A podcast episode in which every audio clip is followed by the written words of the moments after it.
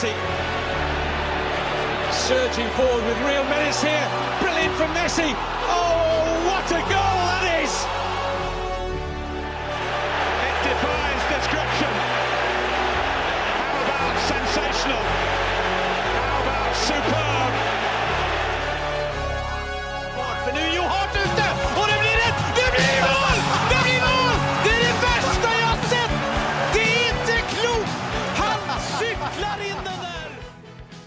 Da er det en glede å ønske velkommen til eh, episode 159 av den uh, meget hotte fotballpodkasten uh, 90 minutter. Uh, eh, med meg som vanlig eh, Søren Døpker, Mats Granvold, hallo, hallo.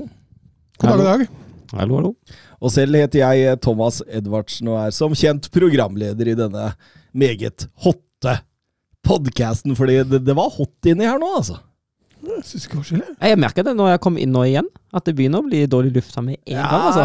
Om, om vinteren får vi det ikke varmt, og om sommeren får vi det ikke kaldt. Vi sliter litt der. Mm. Jeg husker vi var i dette mottaket studio. Der også var det varmt. Eh, og jeg, jeg føler liksom vi, vi hadde egentlig litt bedre inneklima her, egentlig, på mange måter. Men akkurat nå syns jeg det var sånn trykkende. Ja, jeg skulle kjent noen som solgte varmepumper. Ja, hvem, er, hvem er det, Ja, da må vi se om vi finner noen. Ja, ja. Men å, å bruke flere tusen på å sette inn en varmepumpe her, det veit ikke om jeg gidder. Nei, jeg skjønner det. Jeg skjønner det. Bråker de ikke litt òg? Kanskje ikke deres? Nei, ikke så ille. Nei. Ja, Ikke våre, det er bare våre som ikke bråker. Ja, ja. Fin reklame, fin reklame for alle der ute! Jeg tenkte jo det, at nå kunne du jo eh, gi, gi reklame. Briljert litt. Ja, ja.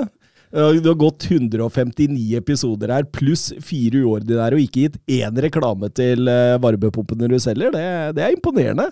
Uh, ja, ok. Ja. Er det Toshiba, eller? Ja, det er alt. Det er alt, ja. Vi er som eh, Nei. Jeg dropper å fullføre. Eh, Søren Albra, Ja, alt veldig fint. mm, du svetter ikke bort der? Nei, jeg kommer jo fra et eh, varmt land i Syden, så jeg er jo vant til eh, litt høyere temperaturer. Nei, altså, jeg liker jo sommer veldig godt. Vet du at du kommer fra et Tyskland, liksom? Ja, Så du er vant til varmen? Ja, Sy sydover. ja ikke syden, men sydover. Ja, Okay. Som, jeg- som, jeg, som jeg sa i forrige episode, jeg liker meg mellom 20 og 40 grader. Syns jeg er helt optimalt. Ja, det stemmer det, faktisk. ja, Bare å kjøre på med litt varme. Men, men nå har vi jo noe godt i glasset òg, Søren Døpker, siden Ja. Det er fredag. Det er fredag, og nå må vi skåle her. Skåle. Ja. Skåle. Mats, eh, du ble ikke med? Nei, jeg må kjøre bil, så det er dårlig kombo.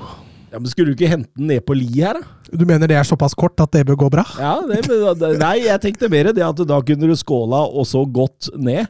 Oh, ja, sånn, ja, men det er meldt dritmye regn, Ja, ok. så det, det gidder jeg ikke. Det er meldt Det er derfor det er trykkende, altså! Ja, Det er derfor det er eh, trykkende. Så det var 2,5 millimeter eh, i løpet av en time etterpå. Så Det er ikke så voldsomt.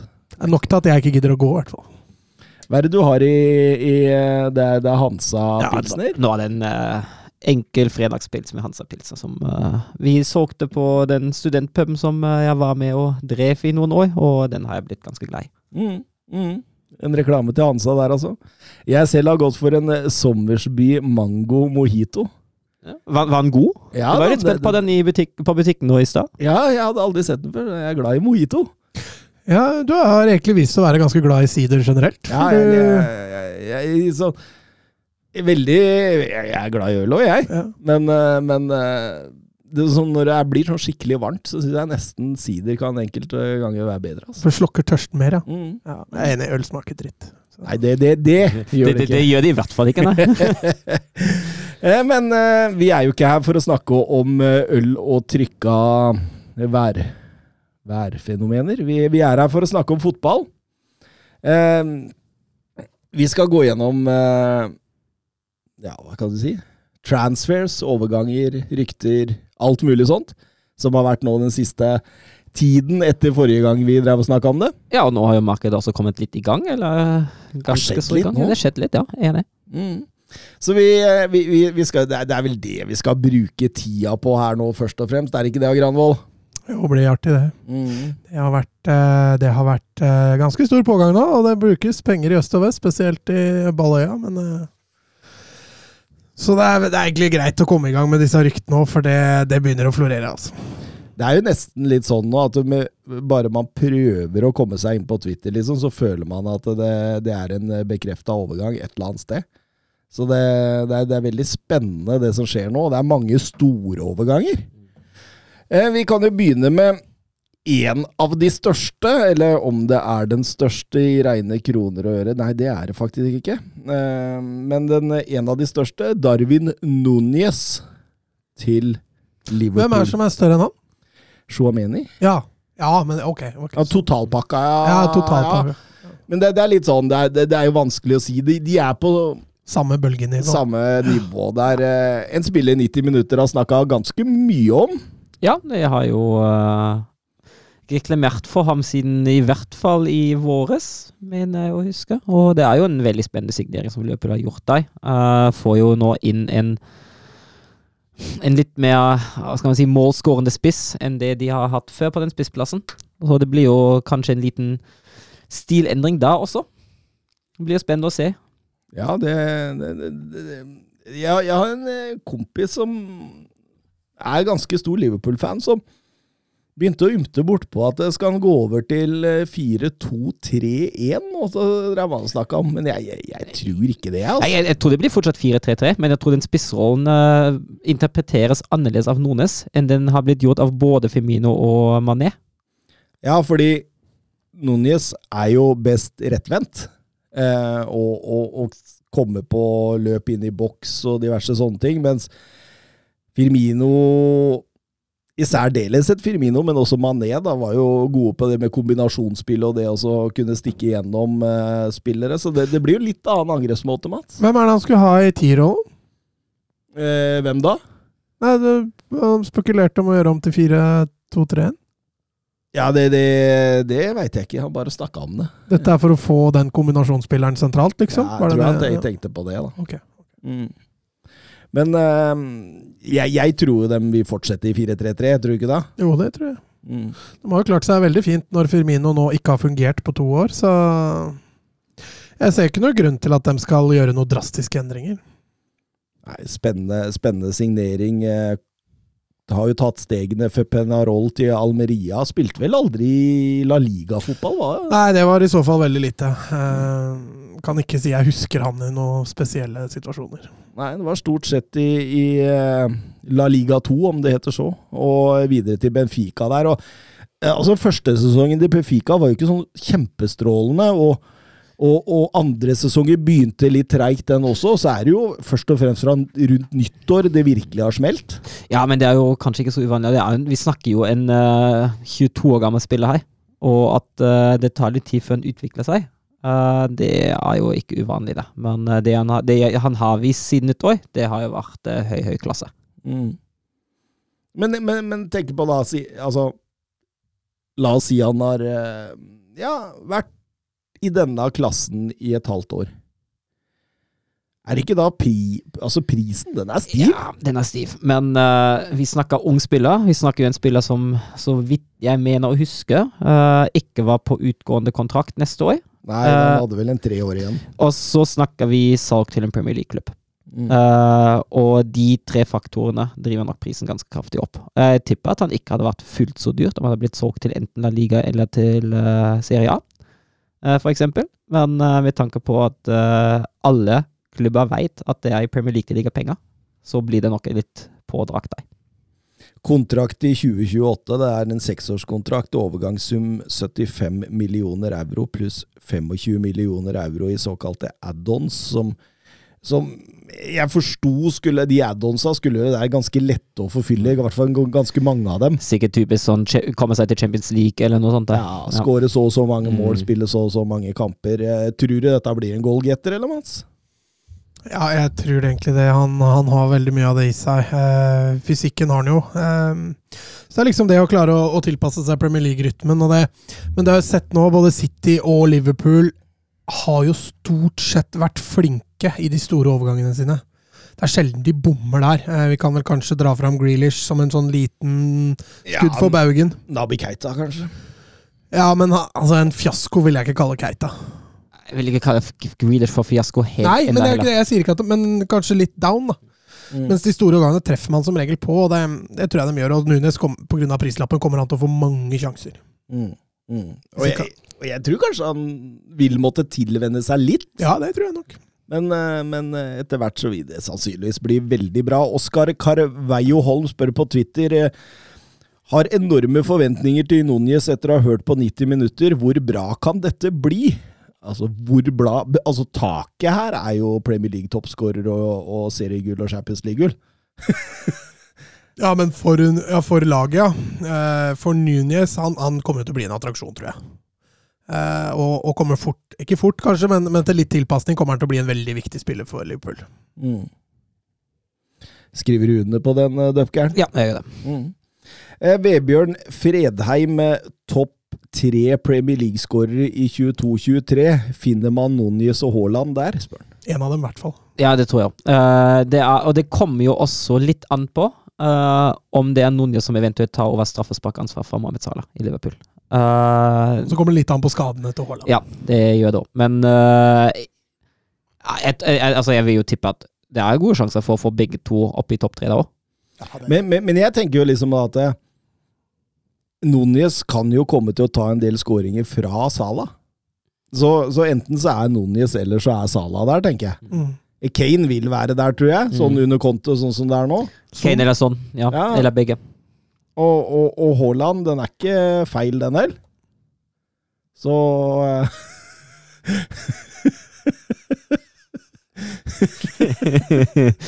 Såpass? I, i, I juni, ja, Thomas. påskeharen ringer meg i juni, det Da skjønner du han er tidlig på og planlegger. Uh, ja.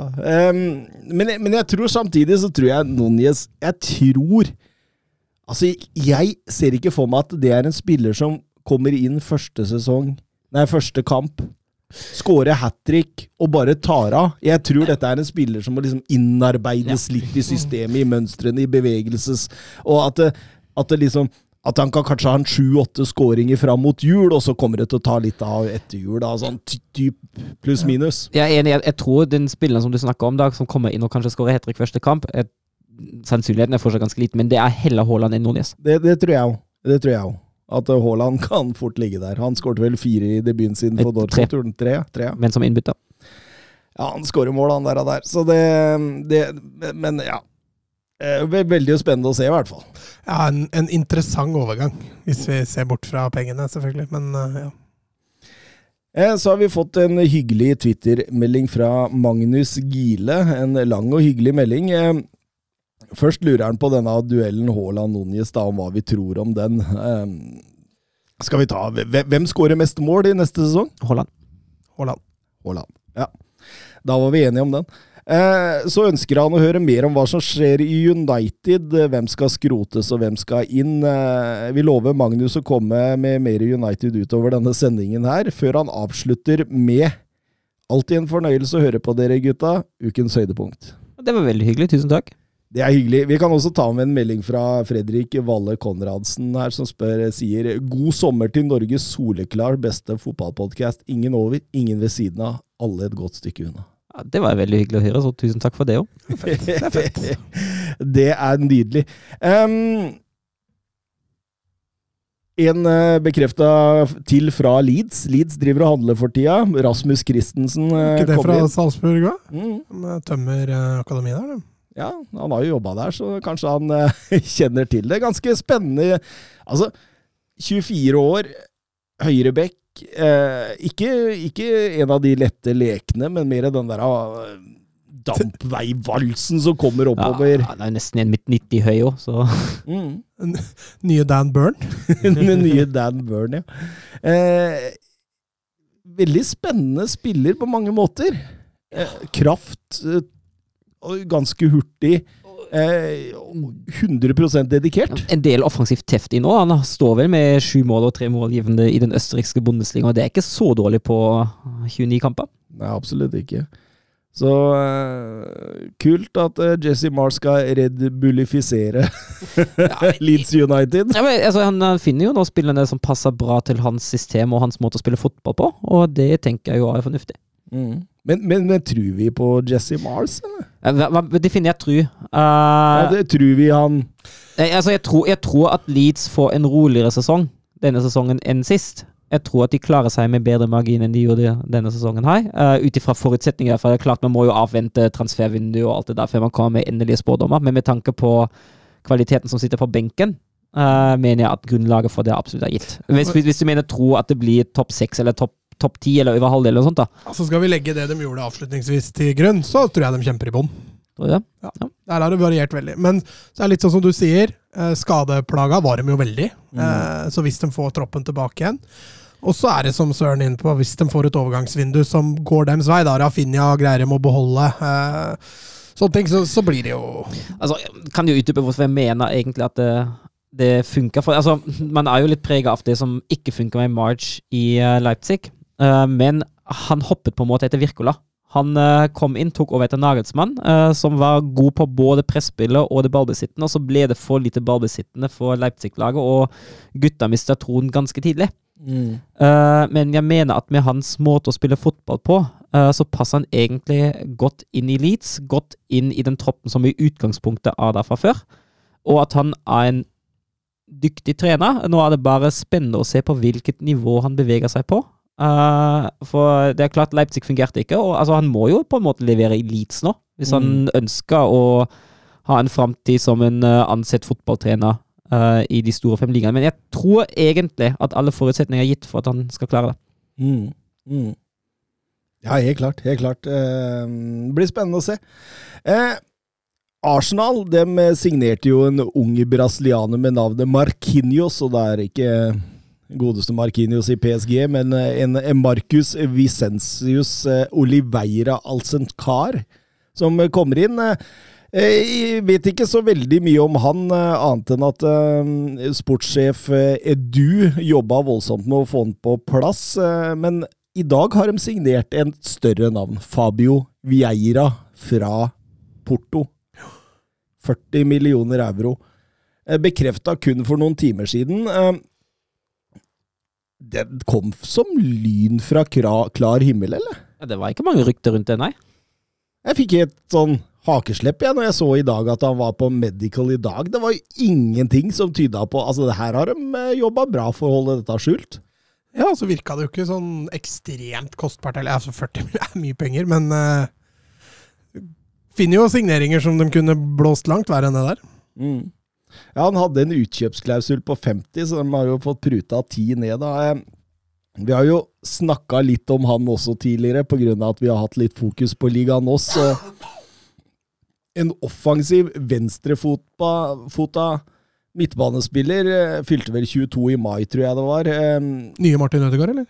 ja, altså det, det, det er jo en spillertype som de har i Martin Ødegaard, i Emil Smith-Roe Altså, nå skal det fylles på i rekkene her. Jeg begynner å bli god bredde, da. Ja, det, det Og, og ungt. Ungt og Jeg ville jo prioritert en spiss, da. Det har vært eh, Arsenal, med, med Lacassette nå ut. og GT er vel heller ingen som veit hvor det flyr. Ja, han skrev under ny kontrakt nå. Ja, det gjorde det. Mm. Men uh, han er jo ikke god nok, så det er jo, du, kan, du kan jo ikke hvile en hel sesong på en GTA. Men eh, eh, det, det, Fabio Veieira det, det er jo nok en spiller fra Liga Nos som har levert i et halvt år. Eh, så, så, det, så det blir jo en liten sjanse å ta dette her, da, føler jeg. Altså, det, altså Oppsiden er stor, men det kan også bli en kjempeflopp, uh, Dupker. Ja, det kan jo det, men du har jo alltid en risiko når du henter en spiller opp i Premier League. Det er spillere som har floppa, som har langt flere gode sesonger enn en halv sesong i Premier League, så 100% gradert er du aldri. Uh, men at det ligger noe grunnlag her, det ligger noe potensial her, det gjør det jo absolutt. Ja, Nei, det, det blir spennende å se. Altså, han kommer jo han kommer jo fra et land da, Mats, som har produsert mye gode offensive midtbanespillere med litt sånn driv og teknikk og altså Vi snakker Deco, Rui Costa, Luis Figo altså du, de, de, de kommer jo på rekke og rad.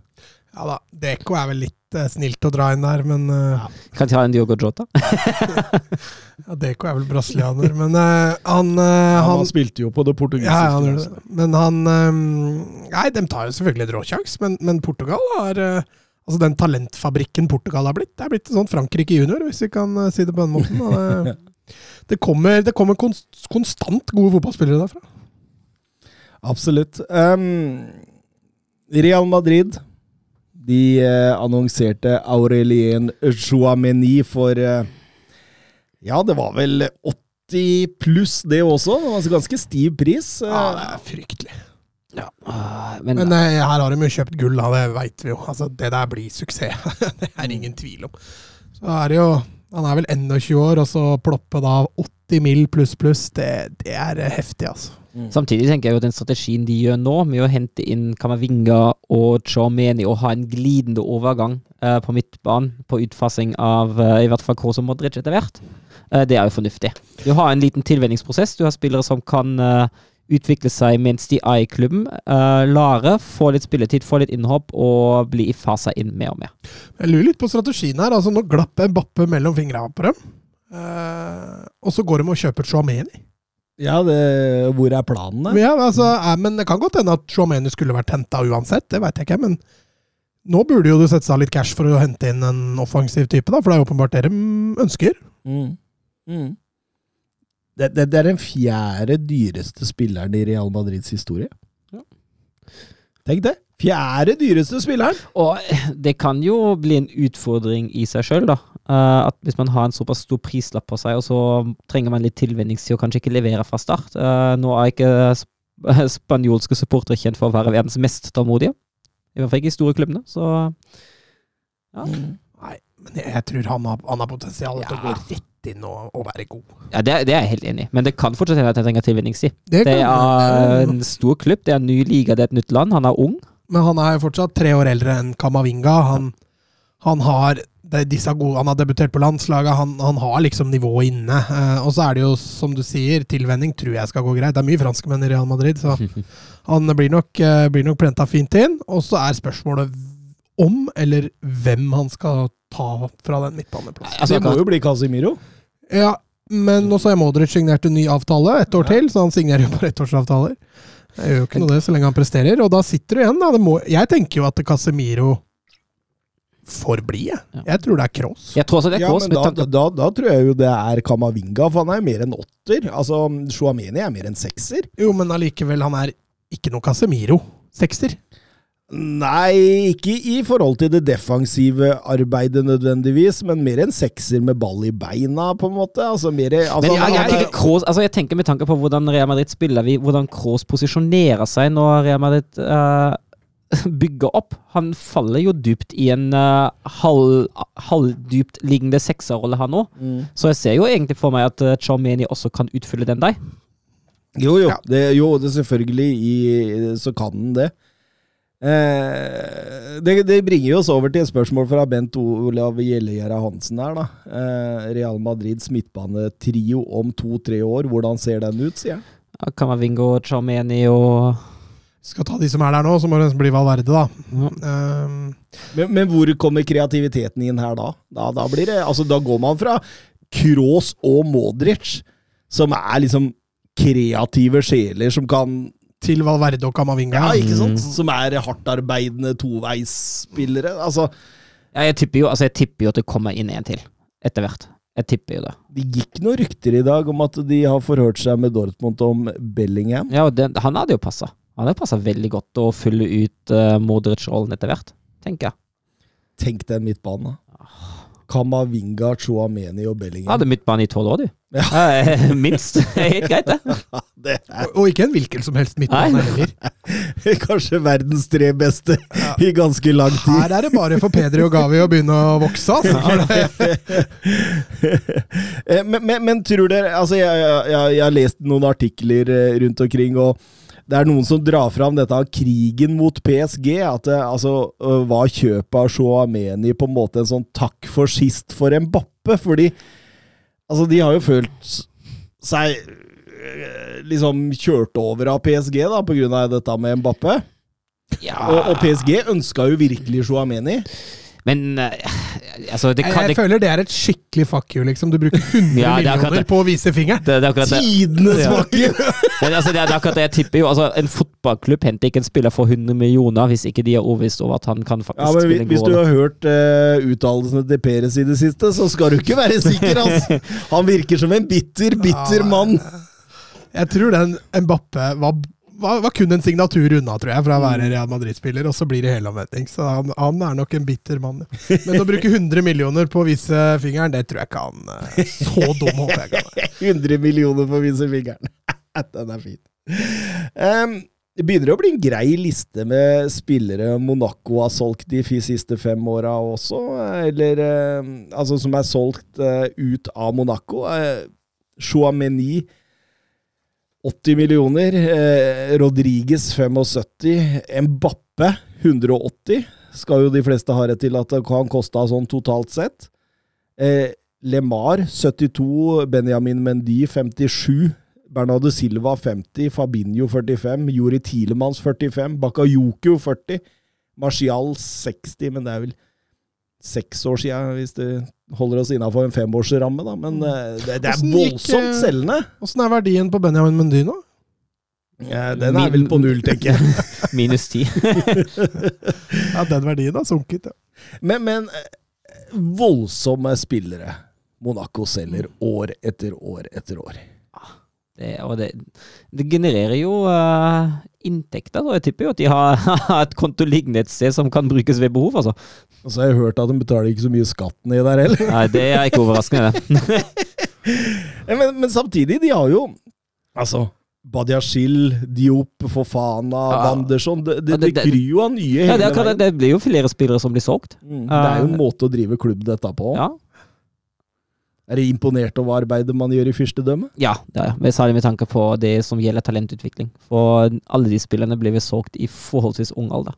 Ja, jeg husker dem. De eh, kom jo til Champions League-finalen når de tapte vel mot Mourinhos Sporto. I 2004, ja. Med Ludovic Jolie og, og den gjengen der. Og etter det så lå jo Monaco litt brakk. Jeg husker de kriga jo om å ikke rykke ned. Og... Men så har de jo staka ut en ny kurs, da. Rykker ikke de ned en gang òg? Ja, Jeg, jeg tror de rykka ned en gang. det er ikke så lenge siden. Jeg mener å huske at de rykka ned en gang. Hva, hva, tar jeg feil nå? Det tror jeg øh, Ja, det, det, er, det skal jeg ikke si helt sikkert, for dette er jeg tilbake på sånn I så fall sånn 2006-2007, 5-6-7, da, eller? Nei, jeg tror det var på 2010-tallet. Var det Monaco møtte Porto? Var det 2004? Det var 2004. Mm. Nå skal jeg bare Altså Nå er Søren Døpker ute med Google Google igjen. Han, Ja. han hater å finne ut etterpå at han tok feil. Ja, nei, de, de, ryk, de rykka faktisk ikke ned. Men uh, de, kriger, de var på 17.-plass i 18-19-sesong, så sent som 18-19. Å, ja. Da var de på vei til å rykke ned. Mm. Og på 18.-plass i 10-11-sesongen. Så det har krypet litt. Men utover det har det vært uh, ensifra plasseringer siden uh, Men, men dette er jo en klubb som på en måte kjenner sin plass i hierarkiet, da. Eh, Men samtidig så virker de såpass målbevisste på at de vil ha klubben opp og fram, så det er liksom Det er noen vanskelig Ja, men altså, jeg tenker altså, Monaco er jo sikkert fornøyde så lenge de er topp tre i Frankrike. Ja, ja, for all del, å spille regelmessig Champions League, så er de vel fornøyde. Antonio Rudiger også blei klar. Free transfer. Det er jo en kjempesignering. Ja, og en posisjon hvor de trenger. Mm. Og, Og nå er de ganske komplette. De mangler denne arvtakeren til Benzema. Og så kanskje en høyre back. Så begynner det å, å se knallbra ut. ja, og den Rudiger-overgangen frigjør jo også Alaba eh, om nødvendig til å ta venstrebekken. Mm. Altså, han gjør elveren bedre. Du, det er en billig overgang i form av at du bare betaler litt sign-on-fee og sånt. Og, og det er en spiller som virkelig er motivert og ønsker å spille for Real Madrid. Det er jo, altså, det er jo alle parametere av seirer her, Ja, og god Ja. Og så er det jo veldig typisk. altså Chelsea hadde jo noen free transfers-stoppere. Og Rydiger til Real Madrid og Christensen til Barcelona syns jeg gir et godt bilde av hvordan uh, Hvordan ståa situasjonen er eh, nå. Mm. Og Barca fikk velge først. Uh, for å sette det på spissen. Men nei, Rydiger, en kjempesignering. Eh, så blir det spennende å se åssen han gjør det i en eh, tobackslinje.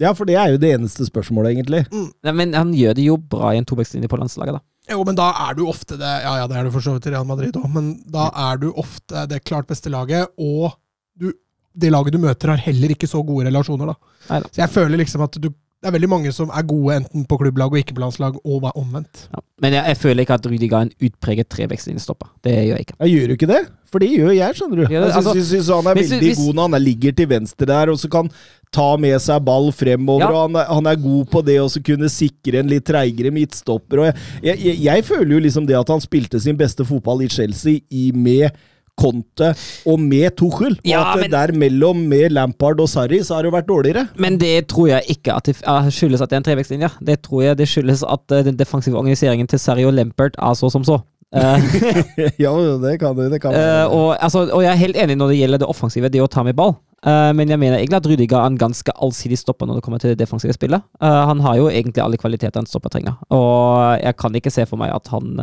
kommer til å være voldsomt dårligere i en Firevekstlinje. I fjor, når vi satt her, så Ja, det var i august. Da kåra vi årets kjøp. Jeg sa Alaba gratis til Real Madrid. Dere to sa Messi. Eh, jeg er ikke frist... Altså, jeg er litt frista til å allerede si at dette kan være årets kjøp denne gang. Det er en kandidat, i hvert fall. Eh, Særlig med tanke på pris og hva du får. Ja, ja. Det det, det er strålende. Det er det eneste lille ankepunktet jeg liksom Det jeg lurte litt på, det er det med Trebekslinje, men eh, jeg syns Søren argumenterer bra for at eh, under både Sarri og Lampard så var det jo ikke voldsomt god defensiv organisering. Da var jo ikke laget generelt veldig godt heller, så det kan jo ha litt med det gjøre. Eh, Real Sociedad har henta Mohammed Ali Chou fra Anger. Eh, veldig ung, 2004-modell. Mm. Og eh, veldig dyr til å være, til å være den summen. Eh, så syns jeg det er jo selvfølgelig veldig spennende, men, men litt sånn det er litt risky for Sociedad å splatte 110 mil for en uh, uprøvd type. Det var større klubber som var ute etter han, blant annet Dortmund uh, hadde vel nesa inn i dette her, og uh, altså Det er jo en veldig Altså Altså det, det, Jeg har sett litt på nå. Han ser ut som han har alle egenskapene for å være en fantastisk bakromspiss. Mm. Og så ser du at han sjelden er i bakrommet fordi han blir møtende hele tida. Og så har han utvikla en bra på en måte Han er veldig god med mann i rygg og kunne vende av. Men, men jeg bare tenker på hvordan du kan utvikle han videre med denne fysikken, hurtigheten, teknikken. Han er en litt sånn uberegnelig type. Jeg. Altså, veldig, Går det en god skole, så blir dette et strålende kjøp på framtida. Ja, og eh, det, det, det du nevnte med Dortmund og andre klubber som var på, jeg syns man ser det nå med og med at, at unge spillere oftere og oftere ikke velger de største klubbene, men velger da de kan få spilletid, og da de føler å bli satsa på. Uh, ikke alle er Martin Ødegaard, liksom, men uh, det tenker jeg også det er fornuft, fornuftig vei å gå med tanke på utvikling. Eh, I Dortmund hadde jo eh, Nå vet jeg ikke hvor konkret det var, jeg tipper at det kanskje ikke var fullt så konkret. Det er jo en lignende spillertype som eh, Karim Adiemi. Uh, og da hadde man jo slitt litt. Mm. Mm. Nei, det, det absolutt en spennende signering, det der. der. Men som Mats sier, det er jo mye penger for en La Liga-klubb sånn under i hvert fall topp tre. da. Ja, og jeg tror nok Sociedad brukte godt det, det budsjettet de har. har. Eh, og da tror jeg nok ikke Altså, det har vært litt rykter rundt Sørloth òg, nemlig, for de har vist mye Sørloth-videoer i Sociedad-feeden. Men eh, da tror jeg vi kan slå fra oss den, for jeg tror ikke de både har, eh, har Isak og Sørloth i tillegg. Nei, det vil jeg ikke tro. Eh, til Lyon har Alexander Lacassette kommet. Gratis dette også. Mm, jeg er frista til å si toppskårer nummer to i league Ø etter Mbappe neste sesong. Ja, det kan han fort være. Han eh, Vi har jo snakka særlig du, Thomas, har jo eh, slått et slag for ham hvis han hadde spilt fast på topp for Arsenal. Hadde han, hadde fått eh, i hvert fall 15 pluss-skåringer. Mm. Eh, og jeg er jo enig, uh, og med tanke på den kvaliteten han har, at han uh, kommer inn og er en signifikant forsterkelse for dette Lyon-laget. Det mener jeg bestemt. Husker eh, første perioden hans i Lyon der. Eh, samarbeidet hans med Feker. Det var helt enormt. Eh, han mangla en Feker i Arsenal, egentlig.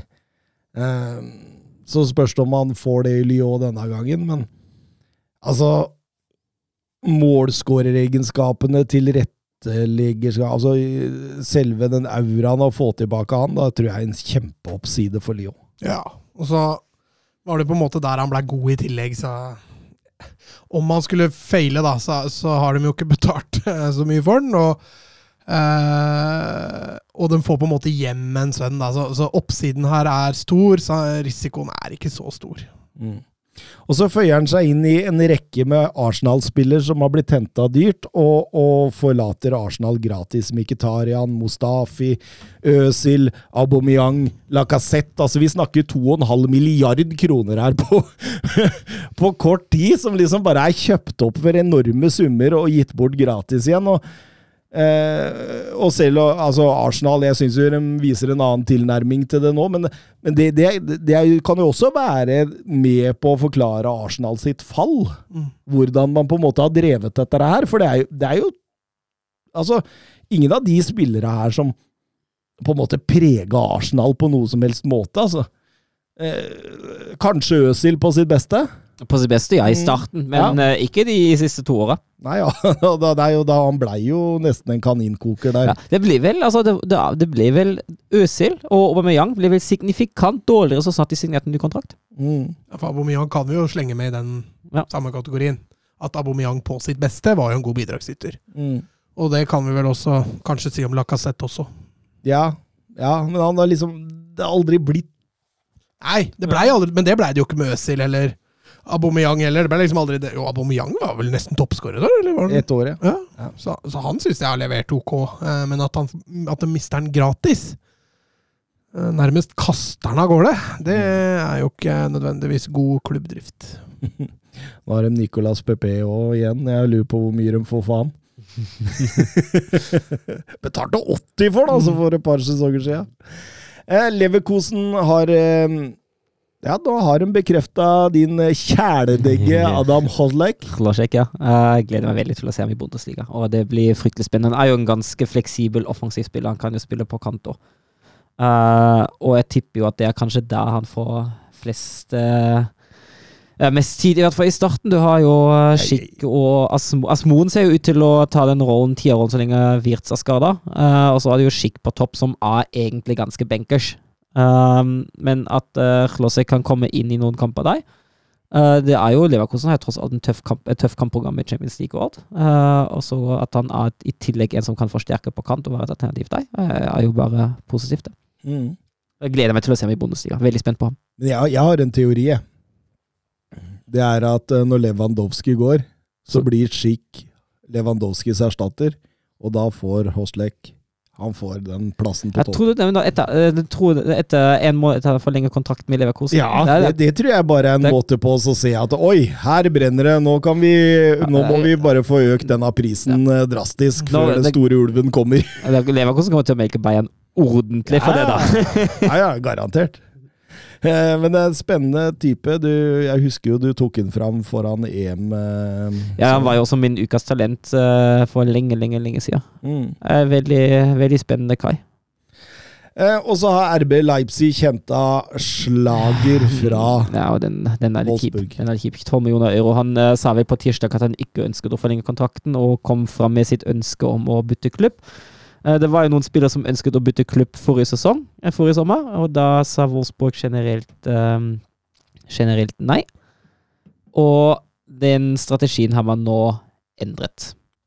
Og samtidig er det jo sånn at uh, Wolfsburg nå ikke lenger kan si nei uh, til 12 millioner sammenlignet med en uh, gratis overgang neste år, fordi Volkswagen har fått dårlig råd, og fotballklubben har fått dårlig råd. Så enkelt er det. Jeg tenker jo også at det ligger en sjanse der, uh, særlig for Asta Franks. Uh, det er jo en spiller som har ikke hatt sjansen til å spille i første elven uh, etter at slaget kom tilbake fra skaden sin, dessverre. Men det er en, en spiller som har vist veldig lovende takter da han fikk sjansen. Og det er en mulighet, og man får nok Man leter etter en uh, slagerstatter og kommer til å komme inn en spiller der, men det kommer etter all sannsynlighet ikke til å komme inn en spiller på samme nivå. Så for Asta Wrang særlig er dette altså en mulighet at man ikke lenger har to spillere som er helt benkers sentralt i andreårslaget. Men det er alltid kjipt å miste kvalitet, selvfølgelig.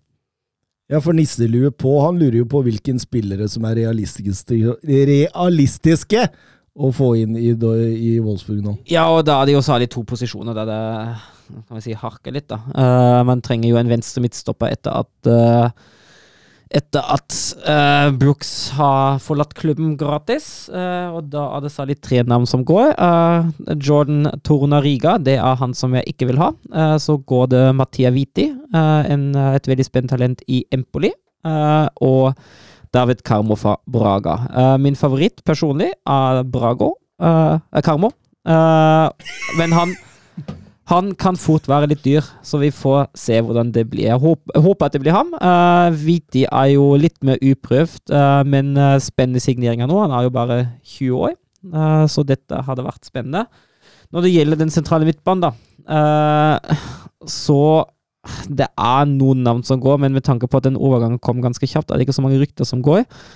Eh, det hadde vært gøy med Nicolas Seivald fra RB, eh, RB Salzburg. Uh, har gått, Slaget er jo et eh, var jo, eller er jo fortsatt en pressingmaskin. Uh, og Seivald har jo litt lignende tendenser. Men har også en veldig god teknikk. Uh, han leser spillet godt. Uh, og, og hadde fungert som den offensive delen sentralt her nå. Eh, Jeg tror det hadde vært veldig gøy. Spørsmålet da er jo prisen. Han har kontrakt. Uh, og jeg kan ikke se for meg at Salzburg må selge ham nødvendig, så dette har kommet til å bli dyrt for en 21 år gammel østerriksk langslagsspiller. landslagsspiller. Uh, Sheikh Dukoré, han er også rykta, uh, men han er jo et litt mer Litt mer ja, skal vi si, defensivt preg over det hele. Så jeg veit ikke helt om Er det, er det LAN-spillet? Ja, det stemmer, det. Uh, han kan jo fungere i den rollen nå, men jeg tenker at man heller bør få noe litt mer offensivt, som en slagerstøtter. Slager var jo en uh, forholdsvis offensiv spiller, selv om han var litt toveis. Men uh, hvis det valget står mellom de to, heller jeg mot uh, mot Seivald, så det er vanskelig å si. Altså, altså så jeg litt på liste over sentrale midtbanespillere som kan ligge litt i vår pris. Og så var det sånn ingen som stakk seg ut, så har, kan det hende at man må være litt kreativ. Eventuelt hente et talent som man ikke har hørt så mye før, men som man har speida litt godt, og tror funker i det laget her. Men Sagadoa Har han, han, har han i klubb? Nei. Ja, Sag Sagado er jo midtstopper. Ja, men du sa du trengte en venstre midtstopper. Ja Venstrebeint, da. Ja, nei, du får begynne, får begynne å trene, da. Ja, men Du har jo Guardiol og Bastoni og sånt. og De, de som Tottenham blir linka til her. det er nok eh, tre hakk over vår prislasse om dagen. Og så- og Sagado er altfor skadeplaga. Jeg tipper at det Det er litt slitsomt at du og jeg heier på klubber som ikke har råd til Ja, noen ting. Og vi litt små, da. Vår små klubber, liksom. Ja, Og så sitter han der borte med den store klubben Men sam- sin samtidig- og bare kan splatte millioner og Bastoni og Guardiol. Wolfsburgs ambisjoner ligger jo litt lavere. Også de skal ikke vinne serien, de skal komme topp seks. Ja, men det skal Barcelona òg. Og det er så sjukt å høre en Barca-supporter si det. Jo, men det er viktig å innse realitetene. Ja, realiteten er vel det at eh, Premier League eh, har god, Men- god råd. I motsetning til Barcelona har Wolfsburg funnet sin løsning ved å satse på unge og lovende spillere. Som man kan Det gjør Barcelona bare det at vi kjøper gamle. Vi kjøper gamle, og så produserer deres Ja. egne unge. Ja, Jæklig slitsomt at du ikke har noen i alderen 20 til 30. Du har alle enten under eller over. Nei, det blir, det blir spennende. Nå er det i hvert fall to, to posisjoner der det haster litt. Rent personlig, uh, det kommer ikke til å skje. Man har tre spillere der med Rosillon, med Otavio og med Paredes, men litt avhengig av hvor langt Paredes kommer nå i løpet av den oppkjøringa. Jeg ser et kvalitetsproblem på venstrebekk også. Um, men med tanke på at både Otavio og Rosillon har kontrakt ett år til, eh, kan jeg ikke se for meg at det kommer inn en ny spiller der nå. Jeg tror ikke det er da klubben prioriterer, men jeg ser et lite kvalitetsproblem der. Uh, Rosillon har vist seg til å være helt natta de siste åra. Uh, Otavio har slitt mye med skader og er sjøl på sitt beste, i beste tilfelle, en høyst, høyst gjennomsnittlig Bundesliga-back. Så med mindre Paredes tar et ordentlig hakk neste sesong og hopper tre nivåer opp, uh, så sliter man litt med kvaliteten på venstreback. Ja. Mats, Ja. Valencia har fått seg ny trener. Ja. Eh, og ikke en eh, lite kontroversiell overgang heller, kan du si. Det faller jo rett i sin plass, det, sånn Valencia driver klubbdrift de siste åra. Er det én ting som er mer frustrerende enn Barca, så må det være Valencia-supporter. Det, er- det er det eneste som treffer Jeg tenker at det er hakket verre. Og nå, bare for altså, at, at Peter Lim ansetter denne Gennaro Gattuso Sometimes maybe good, sometimes maybe shit. Og når han skal på en måte akklopamentere dette med Leonardo, den kontroversielle sportsdirektøren i PSG, og så skal forbrødre disse to som dreiv og herja på i Milan Altså, dette er dette, er, dette kommer til å bli katastrofe. Altså det, det som kan redde det, er at Petter Lim åpner lommeboka igjen. Ja, da må han åpne nå. Og, ja, og ikke drive sånn som de har drevet, og gitt bort Parejo og gitt bort ditt og kasta bort datt. Så da må, det, da må det gjøres noen skikkelige grep for å få dette til å gli igjen. Nå ser det faktisk ut som de greier å beholde Carlos Soler, for han var kraftig rykta bort. Men eh, Gattussa er et vandrende sirkus, da. Kan jo bli hva som helst. Ja, og så også er det ikke noe særlig kvalitet på trenerbenken. det heller. Jeg har ikke noe tro på Gattusos trenerferdigheter. Hadde ikke han noe sånn rasisme og sexisme over seg hengende også? Altså, Han har hatt mye rart. Han Ja. vært 23 dager i Fiorentina før han stakk, og det er, det er mye rart. Ja. og hvis det var kål i Fiorentina, så kommer han jo til å få karamellsjokk når han kommer ned dit. Mm, mm, det tror jeg òg. Um, et lag som Altså, Valencia bør jo på mange måter um, Altså, i, i beste fall i hvert fall konkurrere med, med dette laget ditt, eh, Mats, som vi hadde snakka om. Men, Ja, om topp seks, ja. ja, ja. jeg, jeg, jeg, jeg ba deg om å sjekke litt opp rundt Real Betis. Ja.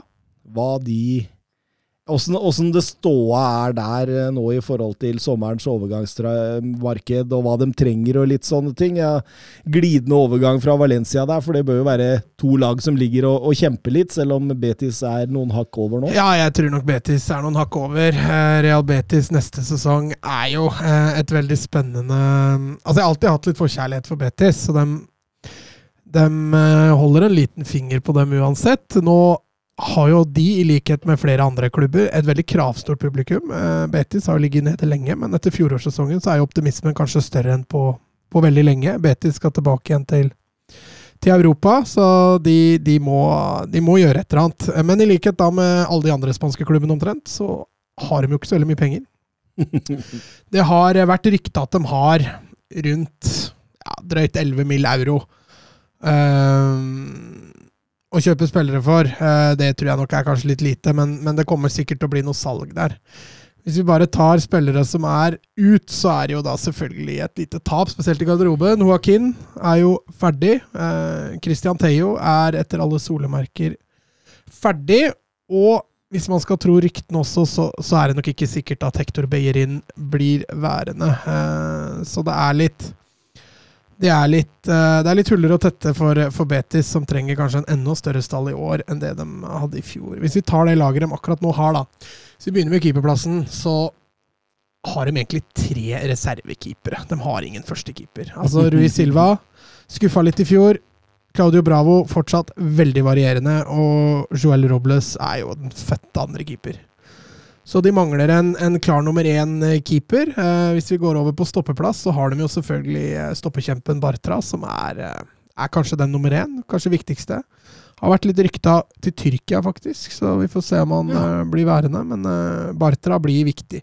Pesella er nok kanskje den som er foretrukket ved siden av han når alt er i orden. Men de har OK backup uh, i Victor Ruiz, i Sabali, eh, Edgar Gonzales. Så stoppeplass er ikke der det brenner mest. Uh, hvis vi beveger oss på venstrebekken, så er det vel også kanskje den, en av de posisjonene hvor de er best besatt. Uh, Alex Moreno klarer førstevalget med Miranda som en veldig god utfordrer. På høyrebekken så er det kanskje et nytt utfordring. Der er det foreløpig bare Montoya som er, hvis Bøyerin ikke blir kjøpt opp tilbake igjen. På midten kanskje der de har mest luksusproblem. Eh, Canales, som vi fikk plass til på årets lag. Eh, Fekir, som de fleste veit hvem er. Guido Rodriguez, William Cavralio, Guardado. Og kan også kanskje slenge med Rodri, som egentlig er en B-lagsspiller som, eh, som nok eh, blir satsa videre på. Eh, Så akkurat sentralt på midten, både i de to sittende og i den offensive, så, så er Betis godt forspent. Ikke noe store behov for å hente spillere der, hvis ikke noen blir solgt. Offensivt så har de gjort sitt første kjøp. William José ble jo henta permanent. Eh, mine øyne en, en svak signering. Eh, har jo allerede bevist at han, han er ikke noe 20 mål pluss-spiss. Han har falt eh, fullstendig gjennom i Premier League. Han eh, streika seg nesten vekk fra Sociedad, så mm, ikke helt fornøyd med det kjøpet der, sånn sett. Han, har- han har klaga i Sociedad lenge før han eh, ble sluppet på Ja, det var, ikke Tottenham som han eh, skulle hente? Skulle ha han som Ja. andrespiss bak Kane. Ja. Mm. og da etter det slo han seg helt vrang. mm. så de var jo nødt til å kvitte seg med han. Uh, og så har de jo Borja Inglesias uh, i bakhånd, i tillegg til Loren Moron, som har vært på utlån denne sesongen. Får vi se om han kommer tilbake igjen. Så splissplassen der er jo helt klart en ting som, som bør forsterkes, uh, hvis de skal krige om Champions League og, Mm.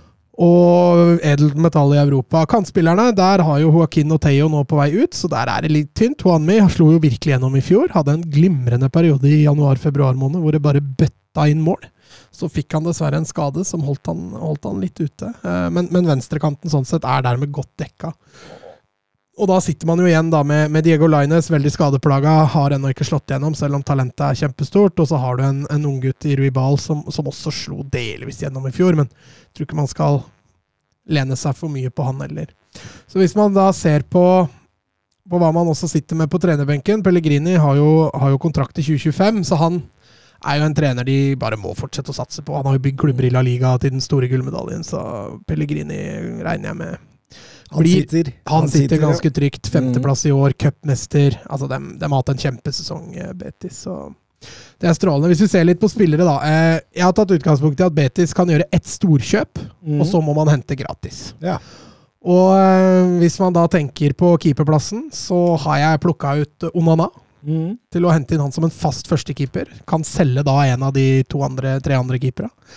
Få inn litt cash der sånn. Eh, vil jo gå inn og, og ta den eh, plassen. Eh, på høyrebekken så er det jo det er jo fortsatt rykter om at de ønsker Hector Beirin. Så hvis de får han, så er jo ikke det noe behov. Men gitt at de ikke får han, så har jeg valgt å ta en, en, en eh, Jeg tror noen Bosman-spiller der òg. Og da har jeg tenkt at Jibril ZDB fra Monaco kan være et eh, godt alternativ til å dekke den uh, høyrebekkplassen. Mm. Når det gjelder den ene spilleren jeg tenkte Betis kunne bruke litt spent på, er mulig jeg har sikta litt høyt, men eh, Berardi fra, fra Sassolo til å dekke den høyre kanten. Eh, er jo en glimrende spiller og en spiller som hadde Det hadde vært litt kul det hadde vært en kul overgang. Ja. Jeg er helt enig.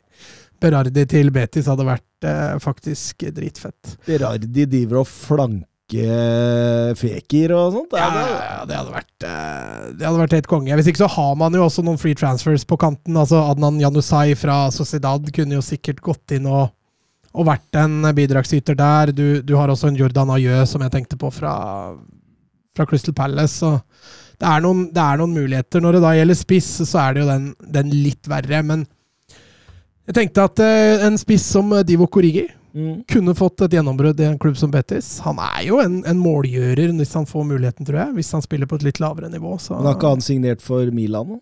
Har han gjort det? Ja, det har ikke jeg fått med. Nei, det er rett rundt hjørnet i hvert fall. Ja. Ja. Men, eh, men en, en sånn type spiss tror jeg også man da kunne hatt, uh, hatt i Betis som, til å utfylle. da. Så jeg, Mm. det er veldig rart hvis ikke de nå har tenkt å satse på William José, når de har brukt det var vel 12 millioner euro, Ja. eller mye det var. Uh, så, så, så er jo det Så er jo den eh, på en måte grei. Eh, alternativt også Sergi Roberto. Nå er vel han også signert, men det var en spiller som kunne vært aktuell. kunne vært fint vært aktuell. De har jo kjent av en del Basha rejects i Betis, mm. så den er ikke aktuell. Men eh, Betis, utrolig spennende lag å følge. Jeg eh, håper de fortsetter å kjempe i toppen. Som sagt så har jeg et sånt litt soft spot for, eh, for Betis, så det hadde vært eh, veldig gøy. Vi, akkurat nå, hvor setter du dem på tabellen neste sesong? Femte. Femte. Deilig, deilig. Men det, det er litt sånn eh, overgangsmarkedet da, for Sevilla òg. Mister de Condé, så har de mista begge stopperne sine. Ja. Så, og hvis de ikke greier å erstatte dem da skikkelig, så er ikke Sevilla et topp fire-lag lenger. Nei. Nei, det er veldig spennende. Veldig spennende å se hva som skjer der nå, i, den, i det sjiktet bak Altså, kall det gjerne Real Madrid og Barcelona. Mm. Ja, eller bare Real Madrid nå, da. Ja, det, var- det var derfor jeg sa kall det gjerne, for jeg, jeg Du prøvde å være høflig? Jeg prøvde å være høflig der. Nei, det er mye rart som skjer i Barcelona nå. Men det det det er jo klart det at du får en Lewandowski, så, så, så vil det jo bøtte inn med mål på Camp Nou, eh, Spotify Arena neste år òg. Mm. Ja da, et par år med Lewandowski blir ikke feil. Det er, det er, men det er ikke noe framtidsprosjekt, det der. Nei, eh, Roma henta Nemanja Matic på free transfer. Mourinho henter han for tredje gang. Mm -hmm. jeg- tenker jo det kan være greit. Eh, Hente inn en spiller til Premier Leagues kirkegård. Det går litt seinere, men nå Ja, og det går det jo i Serie òg, så passer jo sikkert bra. Og det at han har jo, han har jo en god del defensive kvaliteter som Roma kan dra nytte av. mm. Får vi en direkte på live nå? Den Nå eh, Fikk vi en direkte på live? Ja, Så du den? ja sånn. Ok. Det, det er eh, Ja, vi, da kan vi jo rett og Det det er jo like greit å ta den, og han sto fortsatt under ryktespalten her i forhold til programmet her, men da kan man jo ta den at eh, Given Bizuma har signert en avtale med Tottenham Hotspur på 29 millioner pund pluss noe småtteri. Ja, det er det er jo en, eh, det er en kjempepris for Spurs å få ham for. Det er eh, det, det, det er rett og slett latterlig billig. Men kan jeg kaste inn en liten brannfakkel der? Kjør på. Eh, jeg syns Bizuma er en fantastisk spiller. Bizuma kommer til å gjøre det kjempebra i Tottenham. Men jeg mener også at Tottenham i sin midtbane trenger en som er litt mer offensiv og litt mer kreativ. For det er Eh. ikke, det er ikke Bizuma som bryter ned dyptliggende motstandere. Jo, Det er jeg for så vidt enig i. Men den brannfakkelen har jeg lyst til å gjøre om litt, jeg, fordi den sentrale midtbanen til Tottenham, den er jo allerede bra. Mm. Den er, Kan de bruke 300 millioner?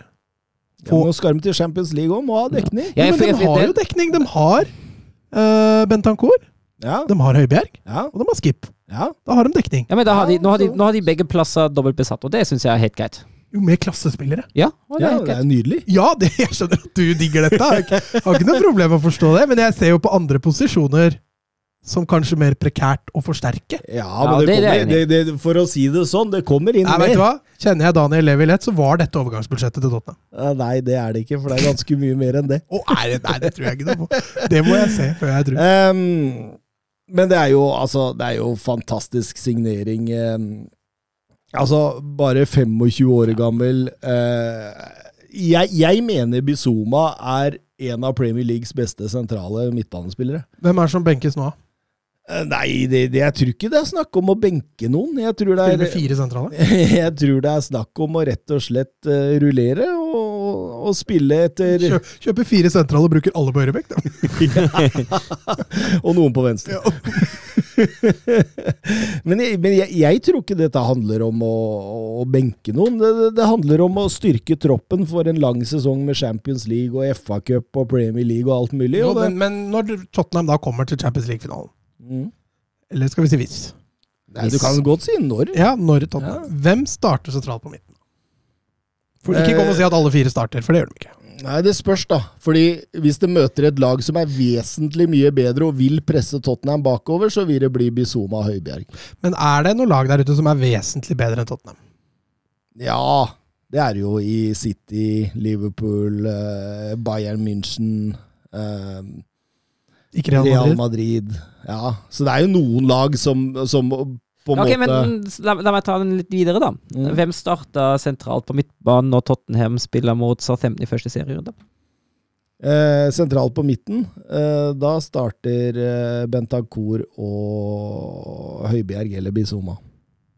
Eller Skip? Ja, nei, det, det, det, det, gjør det.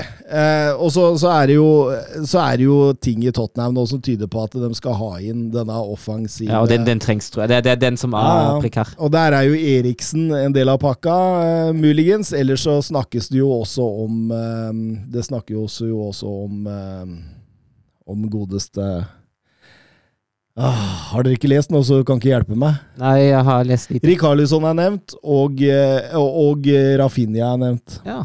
Det er ikke den offensive midtbanen.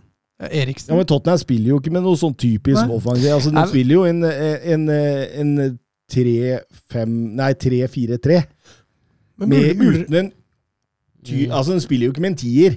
Nei, det veit jeg, men dere sier jo at dere skal ha inn en offensiv midtbanespiller. Nei, jeg sier ja, Nei, det- nei, jeg det- sier, da, jeg sier da ikke tenker man å, å supplementere den inn i, i son eh, og, og Kulisevskij, ikke sant? jeg, jeg føler at man trenger inn en som kan gjøre noe med lavtliggende forsvar. Som kan være det Ja, jeg- Som kan ha det overraskelsesmomentet, rett og slett. ja, en Ja. som går inn for ja. Kulisevskij Ja. når du på en måte møter lag som du virkelig må på en måte Ja, som parkerer bussen, type Ja, Hvor skal. Eriksen inn nå? Ja, Han må inn i Kulusevski-rollen, da, i så fall når Ja, eventuelt, starte med en 3-5-2. Det går Han, han gjorde jo det noen ganger med Eriksen Inter, Conte. Ja, og det, det, det var mange av kampene i starten av Conte sin periode hvor Tottenham spilte best i 3-5-2. Mm. Men så, så, så kom jo Kulusevski inn, og så blei det utvikla en 3-4-3 som blei veldig bra, da. Men som også har sine på en måte ja, Utfordringer. ja, ja. Men jeg tenker jo også hvis Conte nå, altså når, når Conte, når Conte nå har en hel uh, oppkjøring, er det ikke noe i veien for at han klarer å terpe inn både 3-4-3 og 3-5-2. Nei, for å være helt ærlig med dere nå, gutta. Hvis, hvis Conte nå får inn, la oss si den tredje midtstopperen som han snakker om i Bastoni, Guardiol, Bremer, et eller annet sånt, og du får inn den kreative han kan dytte inn for Kulusevski når man trenger å bryte ned lag, og får inn den høyre vingbekken som han er ute etter, da kan dette se farlig ut, altså. Da kan dette se farlig ut. Hvordan, hvordan definerer du farlig? Eh, Tenker du nå Da, da, da kan vi, begynne, vi kan begynne å presse City Mm. og Liverpool. Jeg sier ikke at de skal nødvendigvis forbi dem, men de kan begynne å presse og, og, og kjempe i Chelsea-kategorien, Mm. hvis du skjønner. Rett bak. Ja, rett, rett Eller rett foran Tottenham, da, som eh, faktisk blei. ja, for den blei jo bare rett foran til slutt. men men, men det, det er jo kjempespennende tider Ja. som Tottenham-supporter i dag. At, at det Conte har dratt med seg nå, og alt med det, det, det er enestående. Ja, det, det ser veldig bra ut. Det er jeg helt enig i. Og hvis Bizoma nå kommer inn, så er det jo Nei, Han står som fest på transfermarkedet også. Ja, det er helt, eh, helt enormt. Helt enormt.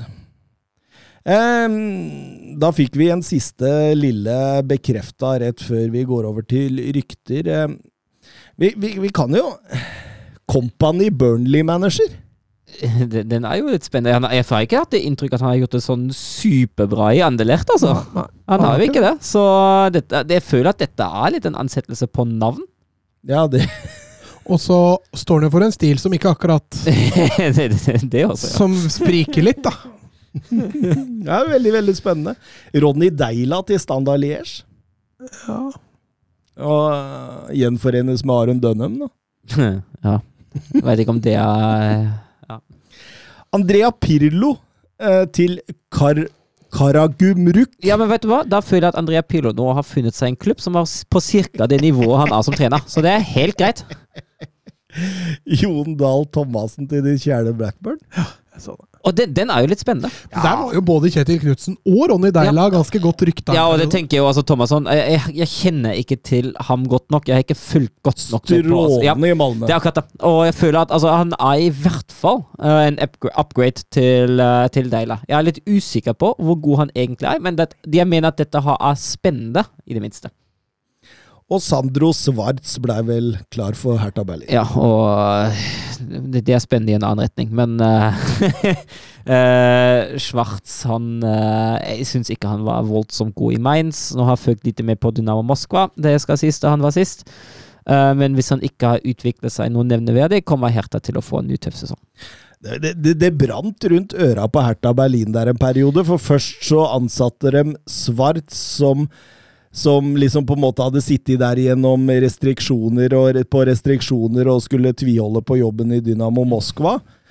Og, Og så kommer Hinteregger nå. og så ja. kommer Hinteregger. Ja, han er ikke helt klar henne, men Hinteregger altså, Greia med Hinteregger er jo altså jeg har, For the record, jeg har aldri likt Martin Hinteregger. Jeg mener at Martin Hinteregger er en spiller som har en IQ på maks 50. Da fikk du mer bensin på bålet nå, da. Ja, jeg gjorde det. Jeg gjorde det. Og det, det var sånn, altså, det er, en- Vi snakker en spiller som har streika seg bort fra Augsburg for å kunne være med i Eintracht Frankfurt. Altså, dette er Nå må jeg passe på ordvalget, men jeg er en komplett idiot på fotball, altså, utenfor fotballbanen.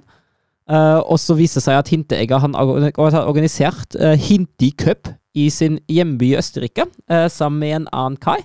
Og denne andre karen viste seg å være en kjent østerriksk høyreradikal. Det var en uh, gravejournalist som avdekket det forholdet, og og Hintereggers første reaksjon var å kjefte på journalisten. Uh, hva han innbiller seg som ikke kjenner ham og alt det der. Uh, jeg vet ikke om Hinteegger noensinne har hørt om uh, arbeidsbetegnelsen til en journalist. Det ser ikke sånn ut. Eh, men han har i hvert fall blitt et eh, problem for Eintracht Frankfurt. Frankfurt vil jo også få tak i ham for å få en statement fra ham og roe gemyttene litt, da. Mm. men da tok Hinteegger rett og slett ikke telefonen.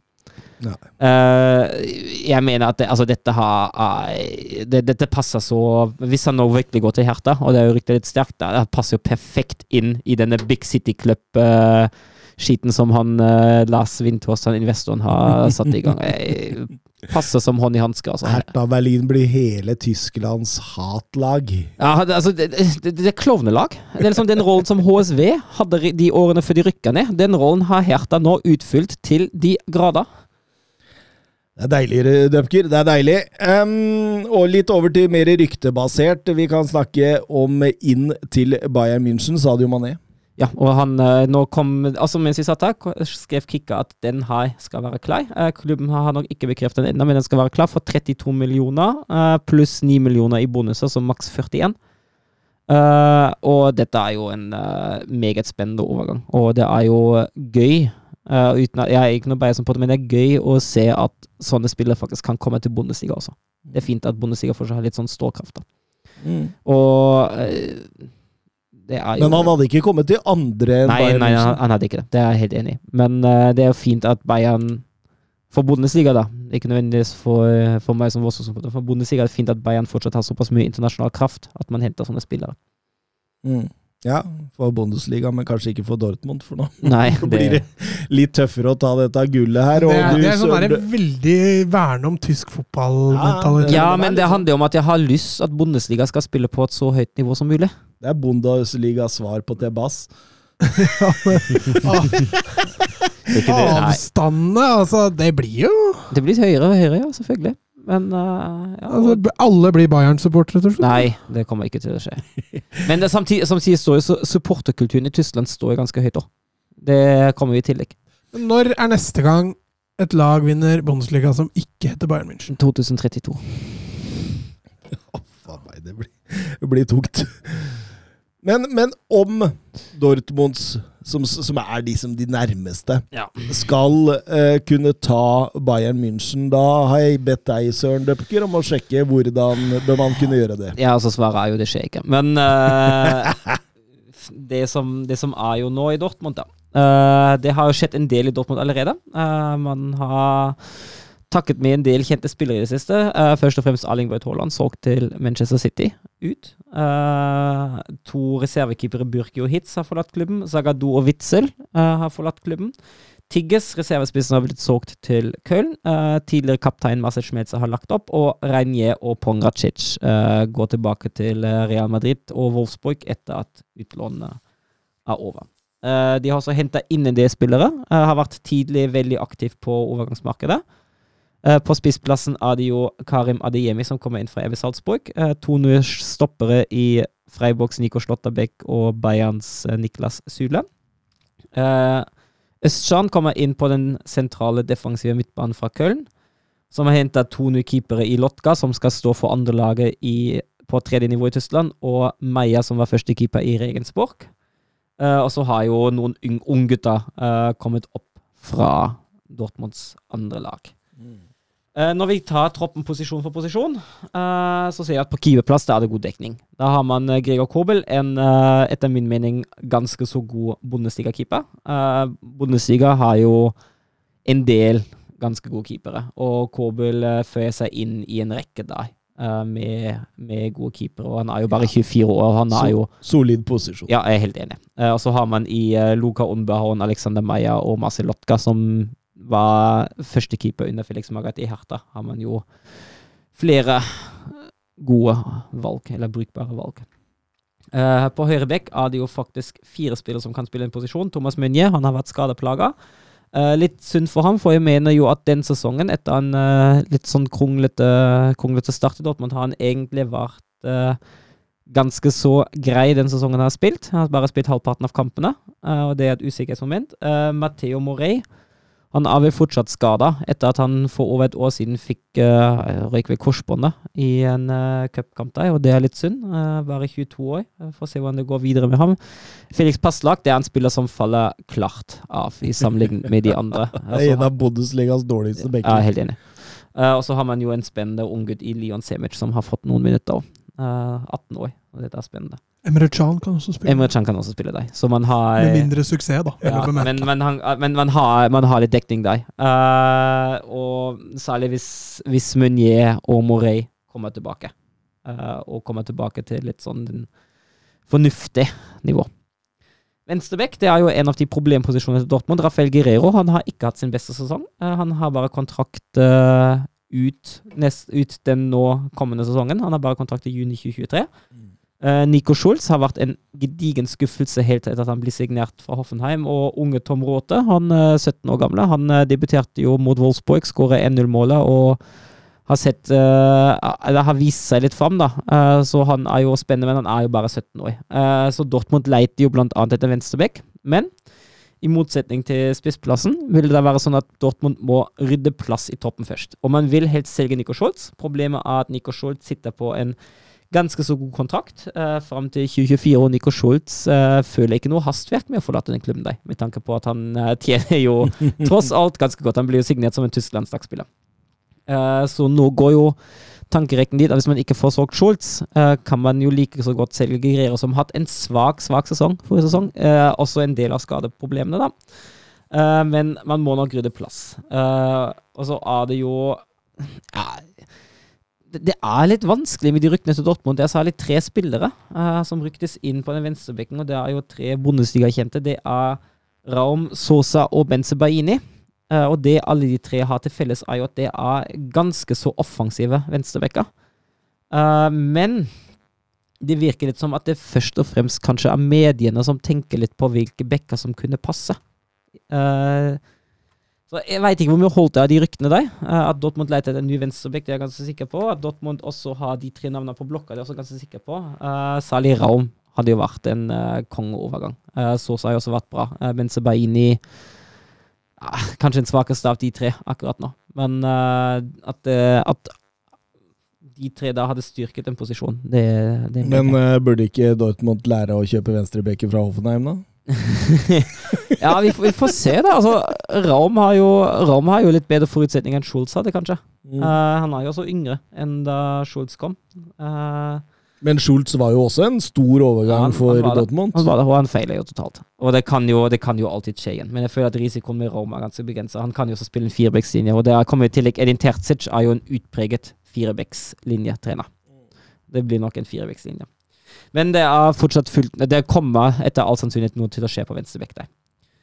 Uh, midtstopper, da har man jo henta inn Niklas Zule og Nico Slåtterbekk, i tillegg til uh, Manuel Akanji og Mats Hummels og unge Somalia Kolibali, uh, 18 år gammel.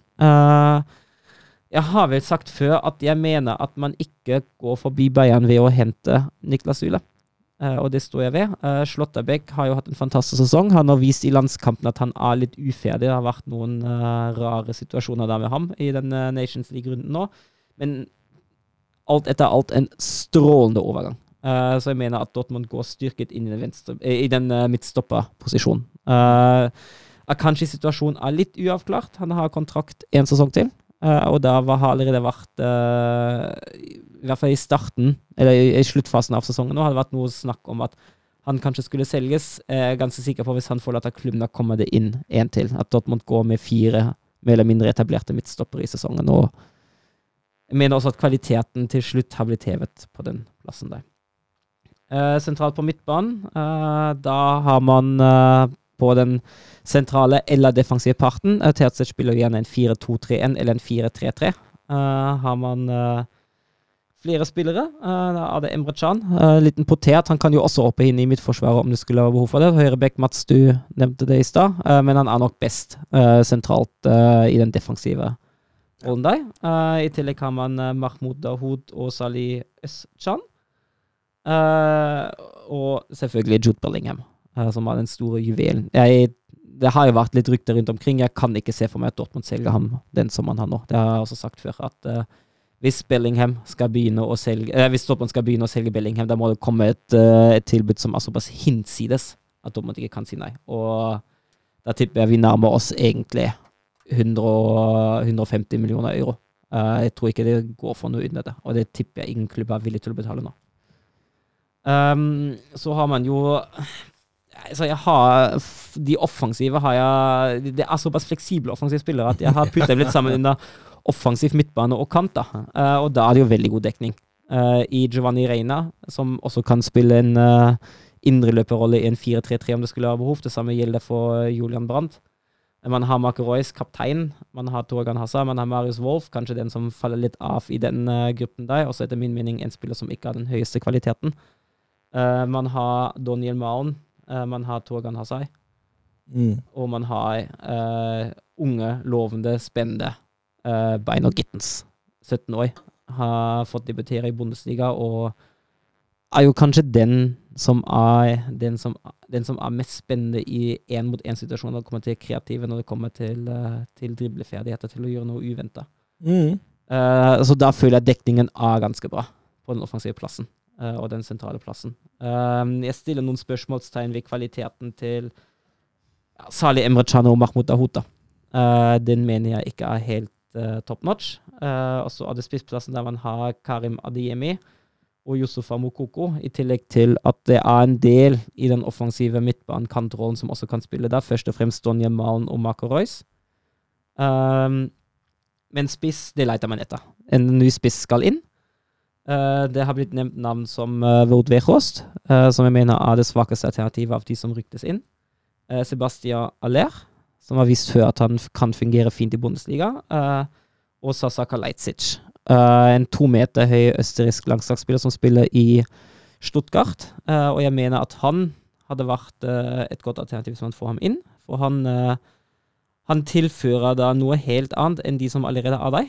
Med tanke på sin fysikk, med tanke på den spillertypen han er. Det er en spiller som har Bundesliga-erfaring. 24 år gammel, har gjort det veldig bra i Stuttgart. Er jo også noe rykta til eh, Bayern München. Og står til sammen med 22 mål og 8 assist i 48 kamper i Bundesliga for Stuttgart, som ikke er noen dårlige tall. Og dette er en spiller som jeg mener, hvis han får, hvis han får spille i et bedre lag og få bedre assist, så er dette en spiller som kommer til å skåre flere mål. Mm. Han har, han har goalgetteren uh, i seg også. Og da er det store spørsmålet hva skjer med Josefa Mokoko? Uh, for Ja, hvordan er ståa med han nå? Ja, det snakkes jo litt om et utlån, og jeg tenker jo det hadde ikke vært så dumt. Han, uh, han spiller jo for U21-landslaget, og han skåra nå uh, to mål mot uh, Polen eller var det Ungarn eller noe sånt. da. Så han, han, presterer jo når han får spille, men Dortmund har strengt tatt Selv om man får bare inn én spiss og står med de rene spissene av det hjemme i, og Kalajdzic kommer inn, som jeg mener hadde vært det beste alternativet, så har man fortsatt Altså, i, i Terzic 4-2-3-1 eller 4-3-3 er det plass til én spiss. Uh, og så har man fortsatt dekket den her, om det skulle være noe, i Malen og Royce, som kan være vikarrolle der. Jeg ser ikke behovet for Mokoko akkurat nå, men jeg ser at Mokoko har et ekstremt behov for spilletid. Uh, så Mokoko, etter min mening, bør lånes ut. Mm.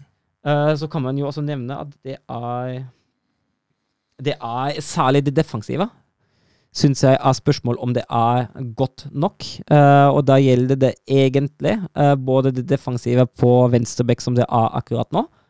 Det gjelder den sentrale midtbanen. Det gjelder ja, under visse forutsetninger også, også midtstopperplassen. og så er jo også spørsmålet hva skjer med skadene. Den skadeproblematikken. For den har vært litt drepende for Dortmund forrige sesong. Og det må de, det må de få teisen på. Men jeg ser ikke at uh, Dortmund egentlig klarer å utfordre Bayern denne sesongen heller. Men at Dortmund uh, kanskje kan komme litt nærmere Bayern, det kan, se, kan skje. Og så er det siste, siste store spørsmålet hvem skal skåre målene etter at Haaland er borte. De var jo ganske nære Bayern egentlig denne sesongen. Ja, men det, det var jo Altså Selv om Bayern hadde kontroll, Bayern hadde så, er, så er det jo ikke sånn derre Altså det blei jo en av de ligaene som er sist avgjort. Jo da, men eh, jeg føler, jeg føler, egentlig ikke at det var noe ordentlig kamp, altså. Jeg gjør ikke det. Nei. Nei, det er spennende.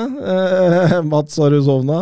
Nei, ja, det er jæklig varmt her nå. Ja, det er eh, litt uutholdelig. Men um, det som er med, med, Dortmund, er jo at de har hatt et veldig spennende overgangsvindu så langt. Ja. Mm. Jeg synes det Men det husker jeg vi sa for to år siden, eller det var tre år siden, når de fant inn Brant og og Nico Schulz, blant annet. og Hazard, ja. ja. Og Hazard. Altså, det var en kjempe Og vi tenkte oi, ok, nå kan de Og Hummels kom vel også i det. Mm. Mm. At nå kan de utfordre Bayern. Eh, det skjedde ikke. Det skjedde ikke, så det, det, det blir spennende å se. Um, men Bayern München kan miste Lewandowski. Ja, hvis det er Barca du er redd for, så veit jeg ikke. Altså. De har jo ikke råd til å signere noen. Nei, det er bare spørs om Bayern mister Lewandowski den sommeren eller neste sommer. Mm. Altså Han kom jo med ganske klare uttalelser at min tid i Bayern er over. Og han har vært veldig tydelig. Han har jo kriga mot klubben i mediene nå. Mm. Eh, og jeg, jeg tenker jo det at eh, Barcelona eh, De ser jo ut som de virkelig vil ha han, og han vil virkelig dit. Mm. Så er jo spørsmålet, da. Skal man cashe ut en 40-50 millioner kroner eh, i eurosedler for å hente han? Så er det var rykta par og 30, så jeg siste rykte. Ja, men det er bare én takket nei til. Ja, eh, og så er jo spørsmålet da altså Barca må jo registrere disse spillerne. Mm. Og nå har de jo henta Kessier, Christensen. Og det ryktes at Barca ikke får registrert dem. Hva er poenget da med å hente Lewandowski? Ja, Aspilio Cueta og, eh, og, og Marcos Alonso de står jo utafor der og banker på, de òg.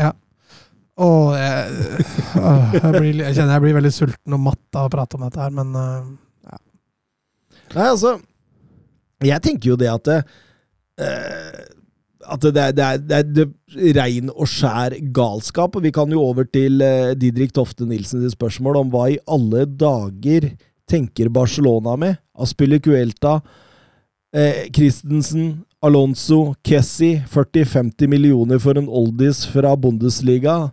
Selge Frenkie de Jong. Jeg skjønner ingenting. Jeg tenker hvor skakkjørt den klubben hadde vært uten La Masia, sier han. Jeg tenker hvor skakkjørt den klubben er med La Masia. Det er nesten verre å tenke på. Fordi Nei, men altså, jeg føler jeg har prata Barca så mye ned det siste året at eh, jeg begynner å bli drittlei, selvfølgelig. Eh, Den overgangspolitikken de driver med. eh, Det er ikke til å forstå. Altså, Christensen og Kessier, greit nok, de har jo alderen litt på sin side, da. Mm. Men Alonso, og Jeg la jeg inn en L òg i Ja, ja, ja, men jeg hørte det. for jeg- Jeg registrerte det når jeg sa det. Eh, og Men det, det, det ruller bedre. Aspilicueta, ja. Ja, Aspilicuelta. Ja. Ja. Eh, og så da nå eventuelt Lewandowski. Altså, det, er en, det er en overgangspolitikk som det ikke er lett å skjønne seg på. Nå er det vel Nå hører jeg altså ryktene motsatt, at de ikke kommer til å selge de Jong. Eh, og det Men det, det, altså, det, det, har, altså det kom, De Jong kommer jo til å bli solgt på et eller annet tidspunkt, for det er en, en av de spillerne som faktisk kan generere litt uh, gjensalgsverdi, da. Mm. Ja, og nå hviskes det også at Gavi er så å si enig, og det, det er på en måte en signering de mangla. Eller fornyelse de mangla. Uh, så de har jo indreløperne sine i Pedri og Gavi i mange, mange år framover. Mm. Og da er spørsmålet om de skal ha de Jong da i den pivot-rollen, og det, det håper jeg jo de satser på. Eh, men, men jeg er redd for at hvis man skal redde noe økonomi her, så Nei, du må- det, det, er- det er derfor det er så frustrerende når det er Alonso og Aspilicuelta som kommer du, du, du, må, du må jo hente inn yngre spillere som du faktisk kan selge videre uh, for å redde økonomien, da. Ja, det kan du godt si. Men eh, Kanskje med, med, med Kessie kanskje Barcelona har tatt en sånn FM Sånn som vi gjorde på FM i sin tid. At man henta Bossmann-spillere bare for å selge dem fort unna for å generere penger. Og så, og så står de der og får den ikke registrert. det er flaut. Det er helt meningsløst. CWC-avtalen òg, som du nevnte for et par episoder siden, den, den har de jo også takka nei til. Og nå, nå så jeg det ble stemt for å selge halve merchandise-verdien til Barcelona. Det er jo en del millioner, da, men eh, Nei, de driver og selger, de begynner å selge arvesølvet sitt, og det er ikke bra. Det pleier å være starten på slutten, faktisk. Det gjør det. Eh, Dybala på vei til Inter Milan. Hva tenker vi om det? Eller det heter vel ikke Inter Milan lenger? Det heter heter bare Inter. Mm. Det er klassesignering for Inter, selvfølgelig. Får dem i gang han og finner rollen hans i dette Manzini-systemet, så Nei, unnskyld, Insaki-systemet, så, så kan det bli knallbra. Men, men eh, vi var litt innom det for en stund siden. Hvordan vil den passe i en 3-5-2 på topp med f.eks. Martinez? Nei, altså, det, det tenker jo at altså, det, det er jo egentlig en spiller som ligner veldig Martinez i spillestil. Eh, det er jo mye av de samme kvalitetene de to har. Uh, Dybala er kanskje hakket mer kreativ, eh, mens Martinez er hakket mer eh, Målfarlig. Eh, så jeg føler jo at eh, dette hadde vært en perfekt erstatter for Martinez. Uh, Mm. Hvordan de vil passe sammen. Altså, jeg tenker jo nesten Hvis man skal spille en 3-5-2, kan jo de bare vel så godt spille bak de to spissene. Men nå snakkes det jo om Lukaku også. Ja. Og, og Hvordan fikk Inter så god råd plutselig? Nei, altså det er det de ikke har, fordi altså Romelu Lukaku han har ett mål, og det er å komme seg vekk fra Stamford Bridge. Og Inter er den eneste klubben han ønsker seg til. Så det, det Var ikke målet hans i fjor å komme seg vekk fra Inter for å komme seg til Stamford Bridge? Ja, ja, ja. Så det, det, det er jo morsomt, dette greiene her. Men så er det finansielle og en kjempestor utfordring, da. Hvordan skal man klare å gjøre dette? Eh, for Inter har jo ikke midlene til å kjøpe en fri. Eh, Lukaku er såpass desperat at han har, altså har forhandla med sin agent mot Chelsea før og, og fått på en slags løsning før de kommer til Inter Milan og presenterer den, og så må man forhandle der også, så dette kan jo drøye ut i tid. og og mm, Bayern München og PSG har vel sagt at ja, vi kan være interesserte her, men han har sagt nei, vi skal, bare til Inter. Så, så, så nå går det mot altså det siste som det, altså det er en låneavtale, altså. Ja. Tenk det! At Og man det- kjøper en spiller for 113 millioner euro, og så skal man låne den ut. Ja, og det, Tilbake der den kom fra. ja, og det, det, det, det er jo Altså, eneste grunnen til det hadde jo vært om at den skal gjøre det bra da og få solgt den til mye penger neste sommer, da. Men, Men da er den 30. det er akkurat det, da er den 30. Eh, den klubben de låner den ut til, har beviselig ikke penger. Eh, så jeg ser ikke helt mening med det der. Jeg gjør ikke det. Nei, det er, det er helt ufattelig, faktisk. Jørgen Nystuen på Twitter. Lukaku, 29 år, kontrakt i 2026. Er det ikke fryktelig dumt å leie han ut? jo, det, er- det er akkurat det der. Jo, men så må man også tenke litt sportslig, da. Altså, eh, eh, skal du ha da en spiller som Lukaku, som antakeligvis kommer til å sutre og grine på benken? Eller skal du bare leie han ut? Spare litt lønn. Chelsea er jo en av de klubbene som ligger nå og venter litt på hva blir det med Lewandowski. Kanskje vi kan hugge inn her hvis det ikke skjer noe. Mm. Så eh, det er vanskelig å si. Kanskje det blir en, eh, en Lewandowski til Chelsea. Jeg ser ikke helt bort fra det. Det kan Men Lewandowski sjøl sa han ikke har hørt på andre tilbud enn den Ja, men, det, det, men, men hvis Ja, altså, det, det- det- tilbudet aldri kommer, og han har Ja. sagt utad at 'jeg Ja. er ferdig i Bayern', Det er akkurat det. For det så greia er altså, Nå er jo fortsatt veldig tidlig overgangsvindu, så nå har Lewandowski så råd til å vente på Barca. Men Mm. eh, den uh... Ja, ikke sant, det er nettopp det. Men hvis dette drøyer ut da, Han har jo tidligere sagt at han kunne tenkt seg å spille i Premier League. mm. Så, så jeg ser ikke helt bort fra at det kan skje hvis Barca bruker tid. Um, Leo Østigård på vei til Napoli. Ja, kul overgang. Kul overgang.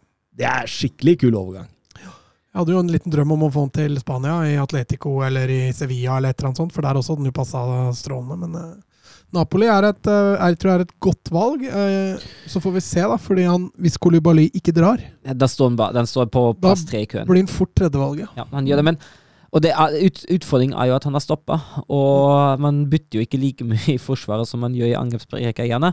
Men samtidig, Napoli skal jo ut og spille internasjonalt i år, så de har jo flust av kamper. Uh, og med det nivået Østigård nå har vist, uh, så kommer han til å få sine sjanser. Altså, Imponert meg voldsomt nå, altså. Ja, altså det, det, det eneste som er, det så, det så jeg litt i den, eh, i den Sverige-kampen, det er litt sånn den emosjonelle voksenheten. Den har han ikke helt inne ennå. det var jo det var jo særlig den situasjonen, jeg husker ikke den duellen der han fikk gult. Da lagkameraten måtte dra han litt vekk, og han kan bli litt het i topplokket. Men han er fortsatt ung. Så det, Her syns jeg det var rart at han fikk gult. Mm. ja, det, det syns jeg òg, men når han, først, når han først har gult, så må han roe seg.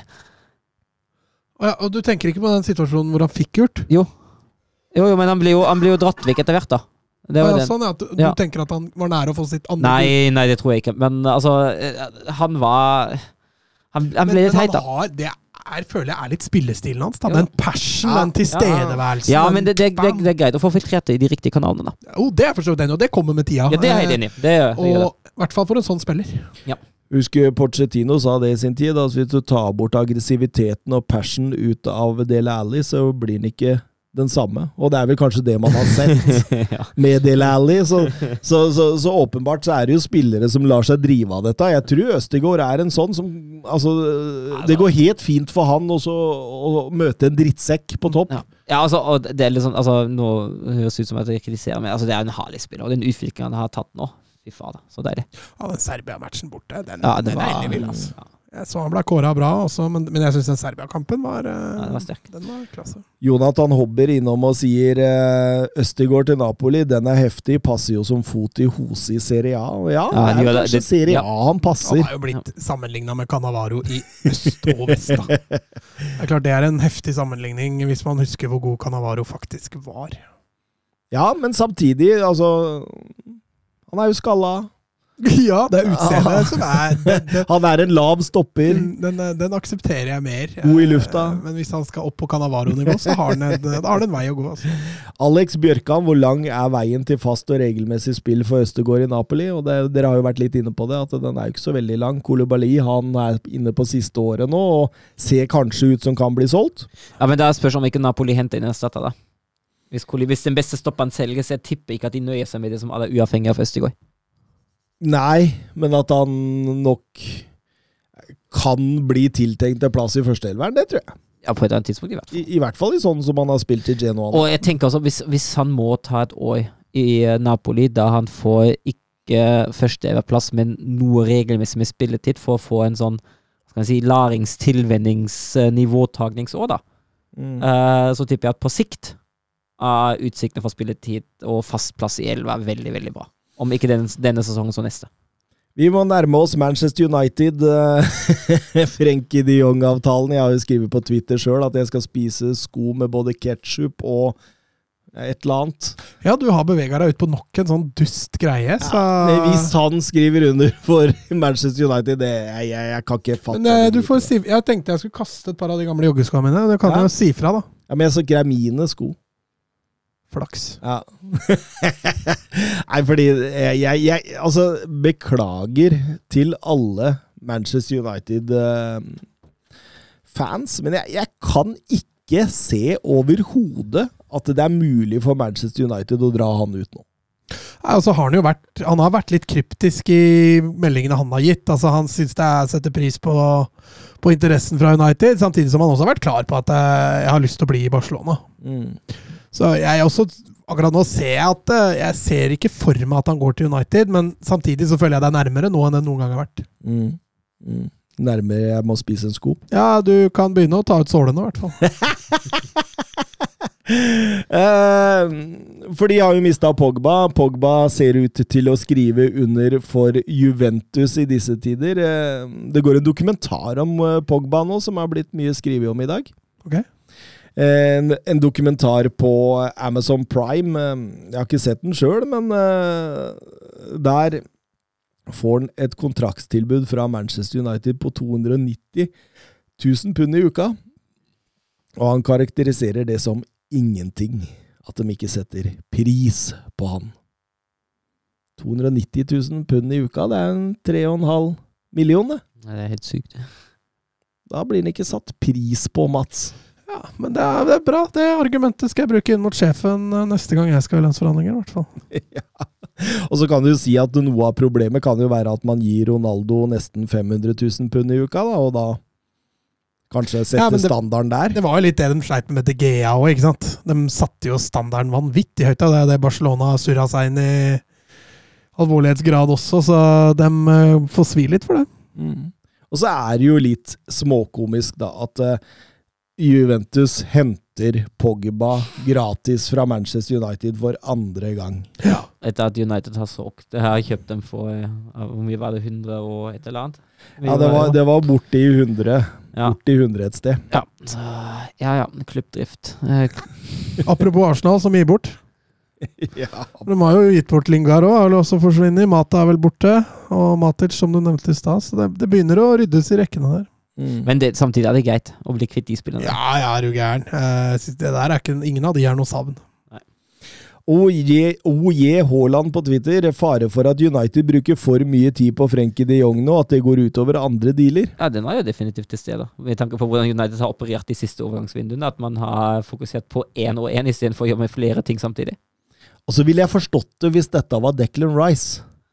I, ikke i like stor grad med Frenkie de Jong. Men samtidig, jeg tenker at moderne fotballklubber må være i stand til å jobbe med flere overgangsstiler samtidig. Det kan, det, altså, Men det, det gjør de nok, tror jeg. ja, det, det virker bare ikke sånn utad. Det har ikke virket sånn utad i det siste heller. veldig lite annet som Ja. kommer enn Frenkie de Jong. Ja, hvis, hvis, hvis du husker de siste overgangsvinduene Først da Fernandes var klar, dukket det opp nye overgangsrykter. Først da Sancho var klar, dukket det opp nye overgangsrykter. Altså, det, det er et eller annet rart som foregår i United, altså. Det er jo litt med Eriksen og litt med Vitinha der, men, men, men, men samtidig, altså igjen, altså, du kan jo bruke Du trenger ikke å Altså, du kan jo speide etter en ny sentral midtbanespiller og samtidig speide etter en ny høyrebekk. Mm. Det går an med to ting samtidig. Men, men jeg syns jo den på en måte den mest spennende diskusjonen her er hvilken hylle er det Manchester United kan hente spillere på uten Champions League? Fordi eh, Det jeg tenker på, at eh, nå, nå ser det ut som Jurien Timber Han hadde ikke veldig lyst til å dra til Manchester United. Og, og, og da tenker jeg, når, når du på en måte setter standarden der, når Erik Den Haag sliter med å få med seg de beste fra Ajax over til Manchester United, hvordan Jeg tror det er litt individuelt, da. Uh, altså Hadde Jyrin Timba vært en av de som hadde vært United-supporter fra barndom av, så hadde han sikkert vært mer tilbøyelig til å ta til United. Jo, men likevel, da. Dette er jo en spillers karriere vi snakker om. Det er jo, det, er jo mer enn bare sentimentale verdier. Jo, selvfølgelig, men altså, spillerne har jo sine sentimentale ventiler for all det. da. Og at United er en klubb med forholdsvis mange supportere rundt omkring, det er jo klart. Men eh, det at man ikke har Champions League, at det er en ulempe, det er jeg helt enig i. Ja, for jeg tror jeg er enig med at United kan ikke hente spillere fra øverste hylle, for de har ambisjoner om Champions League etc. etc. Mm. Det får du ikke i United, og det, det er ikke sikkert du får neste år heller. Nei. Og da, da, blir det, da blir det til at man må bygge litt. Mm, mm. Men samtidig er jo Timber er jo en spiller man kan bygge med, da. Mm. Det er jo en spiller som har prestert godt uh, i Ajax i Eres Division. Men det, det fins mange spillere, men altså De Jong òg kan du bygge med. Ja, men de Jong er litt mer etablert, føler jeg. Ja, det er det utvilsomt. Ja um, Jeg, syns dette Manchester United-greiene nå Jeg, jeg syns synd på Erik Den Hage. Egentlig så gjør jeg det. Han har en voldsom, voldsom jobb å gjøre. Eh, ikke bare med spillergruppa, men også i Altså, han må prøve å få på plass veldig mye da, rundt laget, tror jeg. Som liksom på en måte, altså, det, det er ikke bare å bytte en spiller her og en spiller der. Her, her må det mye til, og det må forandringer i alle ledd. Og det må forandringer over hodet på, på Ten Hag som han ikke har kontroll over engang. Ja, den, bygg, den klubben har et byggeplass. Ja, det, det er en eneste stor byggeplass, og det er jo spørsmålet hvordan skal man på en måte tilnærme seg? Hvilke spillere skal man klare å, å, å lure? Det er jo klart det at et prosjekt Ja, du må lure. Ja, du må lure. Må lure. ja. Ja, men jeg mener jo det at hvis Manchester United får tak i Frenkie de Jong fra Barcelona, så har de jo lurt noen. Mm. Eh, Ja, det, er, det er en knallovergang med tanke på situasjonen United er i akkurat nå. Det hadde Ja. vært en knallovergang. Så nei, nei, det er veldig, veldig spesielt, det greiene der. Eh, Gareth Bale ser ut som han ender i Cardiff. Det er litt fotballromantisk. Det er eh, nasjonalfølelse. Er det noen golfbaner i Cardiff? Ja, masse. Ja, det er det. Ja, ja, det er, hele, hele den der delen der er bare full av golfbaner. Så Cardiff betaler den årsavgifta, faktisk. Det er i kontrakta til Bale. Men, det- men det er rett og slett fantastisk at eh, hvis, hvis han kommer seg altså, det er Mye heller dette enn sånn Emiratene og, Ja. og masse sånn tull. Jeg kan ikke se for meg at han kommer tilbake i sånn topp fem-ligaer nå. Nei, det tror jeg ikke heller. Med Særlig med tanke på alderen nå. Og så er det noe med at klubber tar ikke i spillere med som har vist en åpenbar uprofesjonell innstilling til, til jobben sin, da. Nei, absolutt ikke. Og det har han jo seg sjøl å takke for. Mm. Så er jo Manchester City, som vi har vært inne på, i ferd med å tette hullene vi har snakka om. Eh, Kukureya og eh, Calvin Phillips. Eh, det ser ut som det er de to det jobbes med her nå. Det, eh, altså For min del, da. Hvis de får inn disse to nå, så ser dette helt smakaløst ut. Da, da, snak, altså, da snakker vi jo verdens beste lag, tenker jeg. Sånn ut ifra spillertroppen. Da Julian Alvarez inn sammen med Haaland der òg. Det er helt sykt. Men da må jo noe ut, og det ser ut som Arsenal ønsker å benytte seg av. Gabriel Jesus er veldig aktuell for Arsenal. Ja, det kan man regne, regne med rundt ti mål per sesong, da. Ja, for eh, 60 millioner eh, pund. Ja, du, 6 millioner per mål, det er mye. men, men, men samtidig, da. Eh, Det er en 25-åring. Han har bare ett år igjen av kontrakta si. Eh, Det går sikkert an å forhandle den prisen på 60 litt ned. Ja, det bør man i hvert fall. da. Det er 60 millioner for en 25-åring med ett år igjen. Det er ganske mye. Og og Carlton uh, får Premier Leagues mest ineffektive spiss før, og jeg står ved det, altså. Nå er det vanskelig, jeg har fått konkurranse av Timo Werner. Det er greit. Men eh, en av Premier Leagues mest ineffektive spisser. Men, men, men går det an å bruke Gabriel Jesus som en rein nier? Eh, ja, Mm. men uh, ikke Jeg er mer enig med Søren. Jeg ser ikke for meg at dette Jo, samtidig. En, eh, en, eh, en Hva skal vi si? En forandring. Fryder noen ganger. Men, men jeg ser ikke at han er noe 20 pluss-spiss, liksom. Nei. Nei, ikke jeg heller. Så kommer an på hva du må gi for noe. Mm. Nå føler jeg liksom litt sånn at City også, mot sine venner, så gir de bort litt ekstra. da. Barca fikk Ferran Torres. Mm. City kan få Arteta for uh, Jesus. Altså, De driver litt veldedighet, virker det som. Sånn. fantastisk, vet du. Eh, samtidig er jo Arsenal også interessert i Juri Tilemans. Eh, og, Det, det hadde vært en knallovergang. mm. og da skriver Torjus Hansen her Hansen Torjus Hansen. Hans Torjus Hansen han skriver Blir Arsenal farlig med Vieira, Tilemans, Jesus og Rafinha? Ja, Rafinha er linka inn nå. Pluss Saliba fra Marseille. Blir jo helt spinnvilt, dette laget, jo. Ja, mangler jo en spiss, men ellers er jeg jo enig i at dette, altså, dette ser jo veldig bra ut. Uh, vi har snakka litt om Vieira og uh, tilvenning der, Uh, men Tidemanns er jo uten tvil en spiller som ikke trenger tilvenning, så Aliba har vært enorm i Liga og kjenner til Premier League fra før.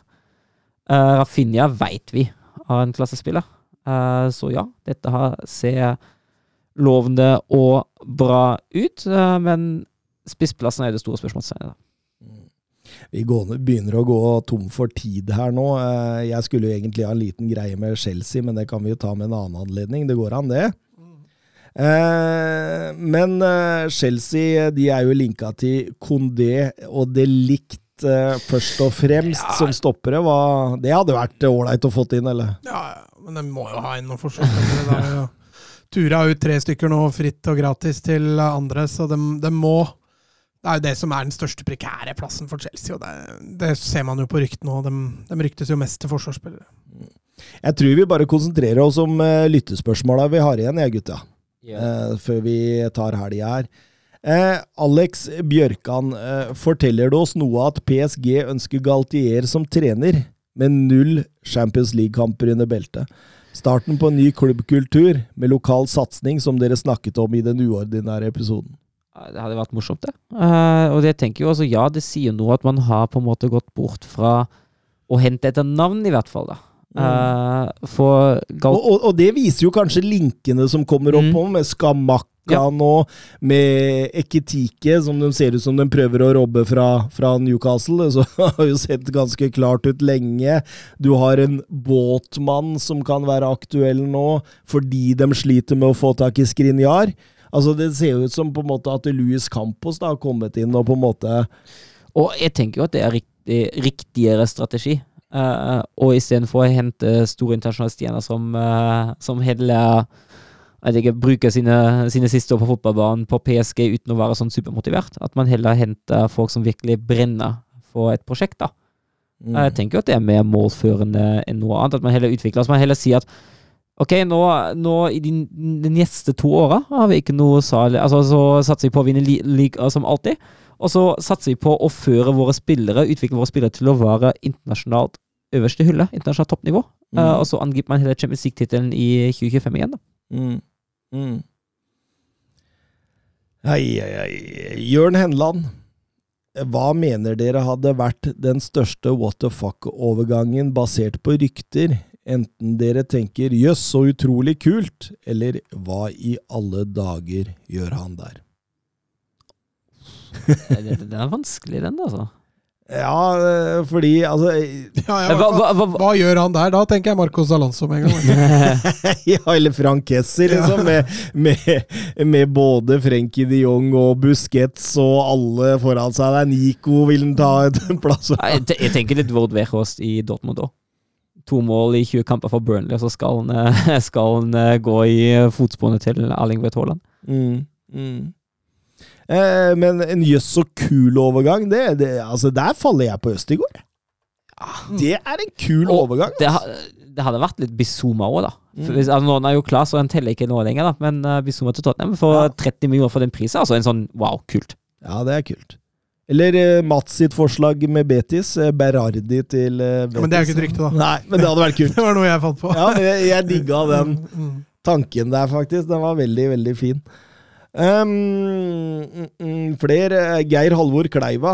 Eh, Hvis vi hadde fryst alle overgangsvinduene nå de neste fem åra, hvilket lag hadde best sjanse for å vinne Champions League? Ja, vi har, Den var fiffig! eh, Thomas og jeg har snakket litt om det på veien hit, så eh, du kan prøve deg først, Mats. Ja, siden Vi- vi har noen favoritter vi har, her. vi har, vi har diskutert. Ja, jeg tror uh, uh, Altså, Liverpool City ville jo antageligvis vært der. Eh, og så, Men hvis vi skal tenke klubber da, som har noe spennende på gang eh, Dortmund Mm. tror jeg nok eh, kunne gjort det bra.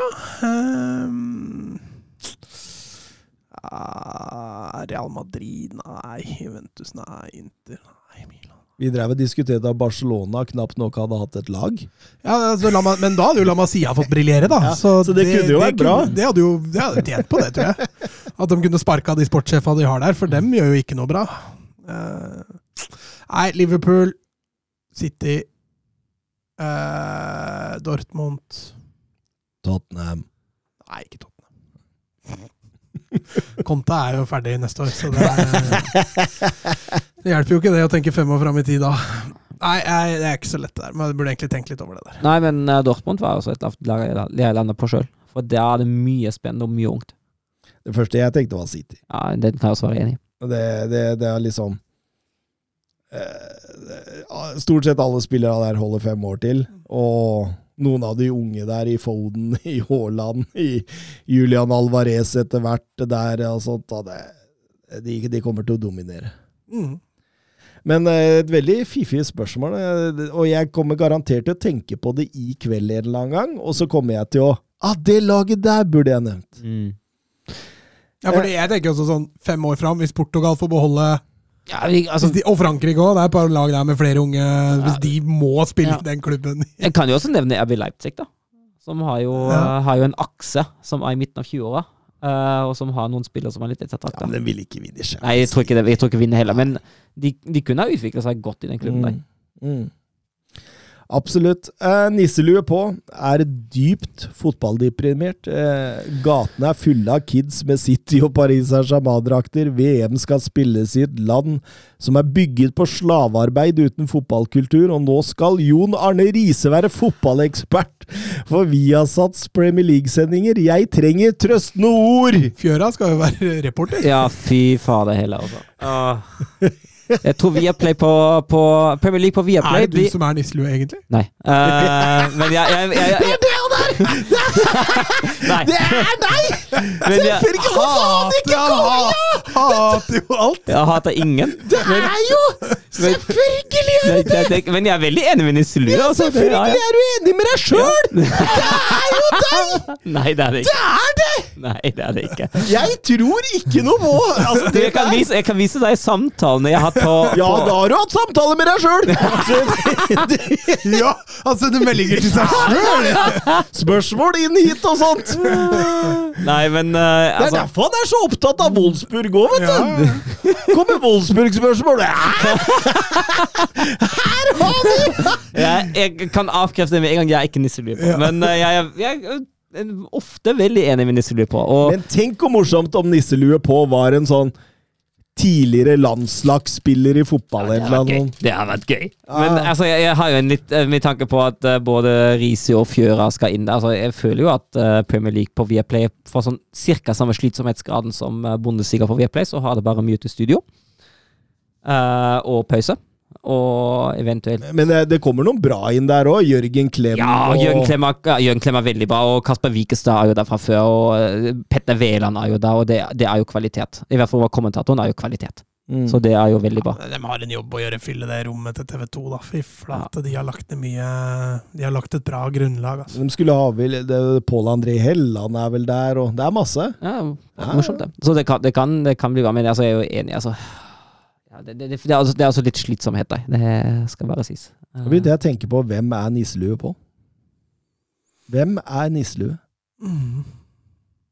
Alf Inge Haaland? Eh, nei. Nei. Jostein Flo? Nei. Du, du skal ha en kjendis til å være nisselue på? Ja, ja, ja. Eller Søren Løvker. Nei, det er ikke meg. Ja, da heller jeg mest mot han. Ingrid Espelid Aavik. Ja, nei, hun er vel død. Ja, ok. Det er Det er litt vanskelig, da. Mm, Nei, men- mm, Martin Men, Hintreger? vi, skulle, vi skulle trøste du, da. Skal vi ikke det? Ja, nå har vi bare Jo, ledd.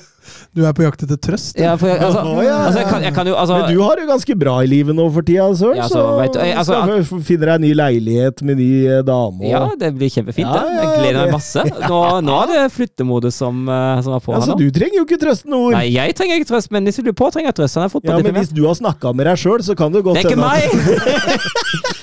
altså, jeg tenker jo en, Selv, du, selv, om, eh, selv om Bruce Wayne er lei seg, så er ikke Batman lei seg, liksom. Du skjønner, du skjønner det? Du veit når Søren tar på seg nisselua, da Men hvem er det som tok med seg nisselua i studio her, f.eks.? Det var meg. Ja, hvem er det som stiller Dortmund er Wolfsburg-spørsmål, da? Det er nisselue på. Ikke alltid. Hvem er det som hater Jan Åge Fjørtoft? Jo, det er Jeg, nisselue hat, på. jeg hater ingen. Hvem hater Haaland? Haaland Jeg hater, hater jeg, jeg hater ikke Haaland! Det er så mye Jeg her som peker! Jeg hater verken Haaland eller Jan Åge Fjørtoft. Men um, Nei, trøst Nei, nisselue. trøst, altså- trøst deg sjøl, du. en, en, en trøst er jo at eh, jeg syns jo akkurat nå at norsk fotball er kulere enn noensinne. Uh, jeg syns det er fryktelig gøy at det dukker opp uh, At det blir utsolgt på, på Åråsen mot uh, i derbyet mot Vålerenga. Jeg syns det er fryktelig gøy at nesten hele langsida, eller hele stadion unntatt gjesteblokka, synger den ballen i mål på 1-0. Jeg syns det er gøy å følge, generelt norsk fotball, både i Eliteserien og nedover i divisjonene. Eh, Det har fått seg ord, et ordentlig løft. Det er gode tall på tribunen, masse tilskuere, masse blest. Eh, Det er gøy. Eh, Og så finnes det fortsatt mange, mange klubber i fotball-Europa som ikke eies av sportsvaskingsinstitusjoner og slaveristater. Det kan man også finne en trøst i, sjøl om. Jeg er enig i det punktet at internasjonal fotball eh, går i en dårlig retning. Jeg syns det. Jeg syns det blir flere og flere av til deg, eh, og det blir eh, mer og mer dritt i internasjonal fotball. Så nisselue på. Trøsten er følg norsk fotball. Og Gjelleråsen. Og, ja, ja, Nei, men altså og hei på et lag. Også hver gang et lag møter PSG, Manchester City, Newcastle etter hvert, sånne ting, så hei på motstanderen. Ja. Altså, te- og så tenker Hva altså, gjør du men når de møter hverandre? Da slår du av. Det heier på dommeren. Det er greit. Det har jeg også gjort. Heie på, Um, heie på dommeren er litt. Er på dommeren. Ja, du men- kan heie på dommeren, tror jeg. Du kan sitte og heie litt på dommeren. Ja, Det tror jeg faktisk. det greit. Kommer på dommeren, men ja. Altså, altså kan man jo også trøste seg i at altså, det finnes jo fortsatt ekstremt mye kul supporterkultur. Uavhengig av klubb, da. Eh, ut på tribunene. Det fins det finnes en fantastisk blest. Vi håper at vi er bank i bordet ferdig med korona, uh, både i Norge og internasjonalt. Uh, vi håper at vi slipper å spille for tomme tribuner. Folk strømmer tilbake til stadion. Folk, uh, folk koser seg på kamp. Eh, jeg syns også at når publikum koser seg på kamp, det smitter over kvaliteten. Eh, hvis vi snakker kvaliteten på fotballen. Den er bra, den er gøy. Jeg koser meg nå også med landslagspausen. Eh, selv om jeg i utgangspunktet syns at landslagspause ikke er noe sånn supergøy. Eh, koser meg med den nå. Jeg syns det som leveres på, på fotballbanen, blir bare bedre og bedre Mm. eh, med åra som går. Eh, og det kan jo være en trøst i det òg. Og mye trøst i seg sjøl, det. Mhm. Mm. Ja, han bør sove godt i natt, han nå. Ja, ja. Men uh, mange følger du da på Twitter, da, Søren? Det er ikke meg. Det er mange som er sur på deg òg. Åssen takler du det? Nei, det får folk bare være. Men det er ikke meg. Nei, nei det, det, vi får ta deg på ditt ord. Du er en redelig mann, Søren Døfker, så jeg regner med at eh, det går, det går fint. Jeg prøver å være. Skal vi ta Om ikke en liten sommerferie, så kanskje en liten en? Jeg veit ikke. Vet ikke. Om ikke en liten sommerferie, så i hvert fall en liten en. Ja, jeg tar en liten sommerferie, i hvert fall. Ja, nå er du tilbake, da. Nei, det, det kan vi diskutere etter sending. Ja. Men eh, inntil vi høres igjen, eh, så kan vi vel si eh, auf Wiederhören. Auf Wiedersehen. Adjø.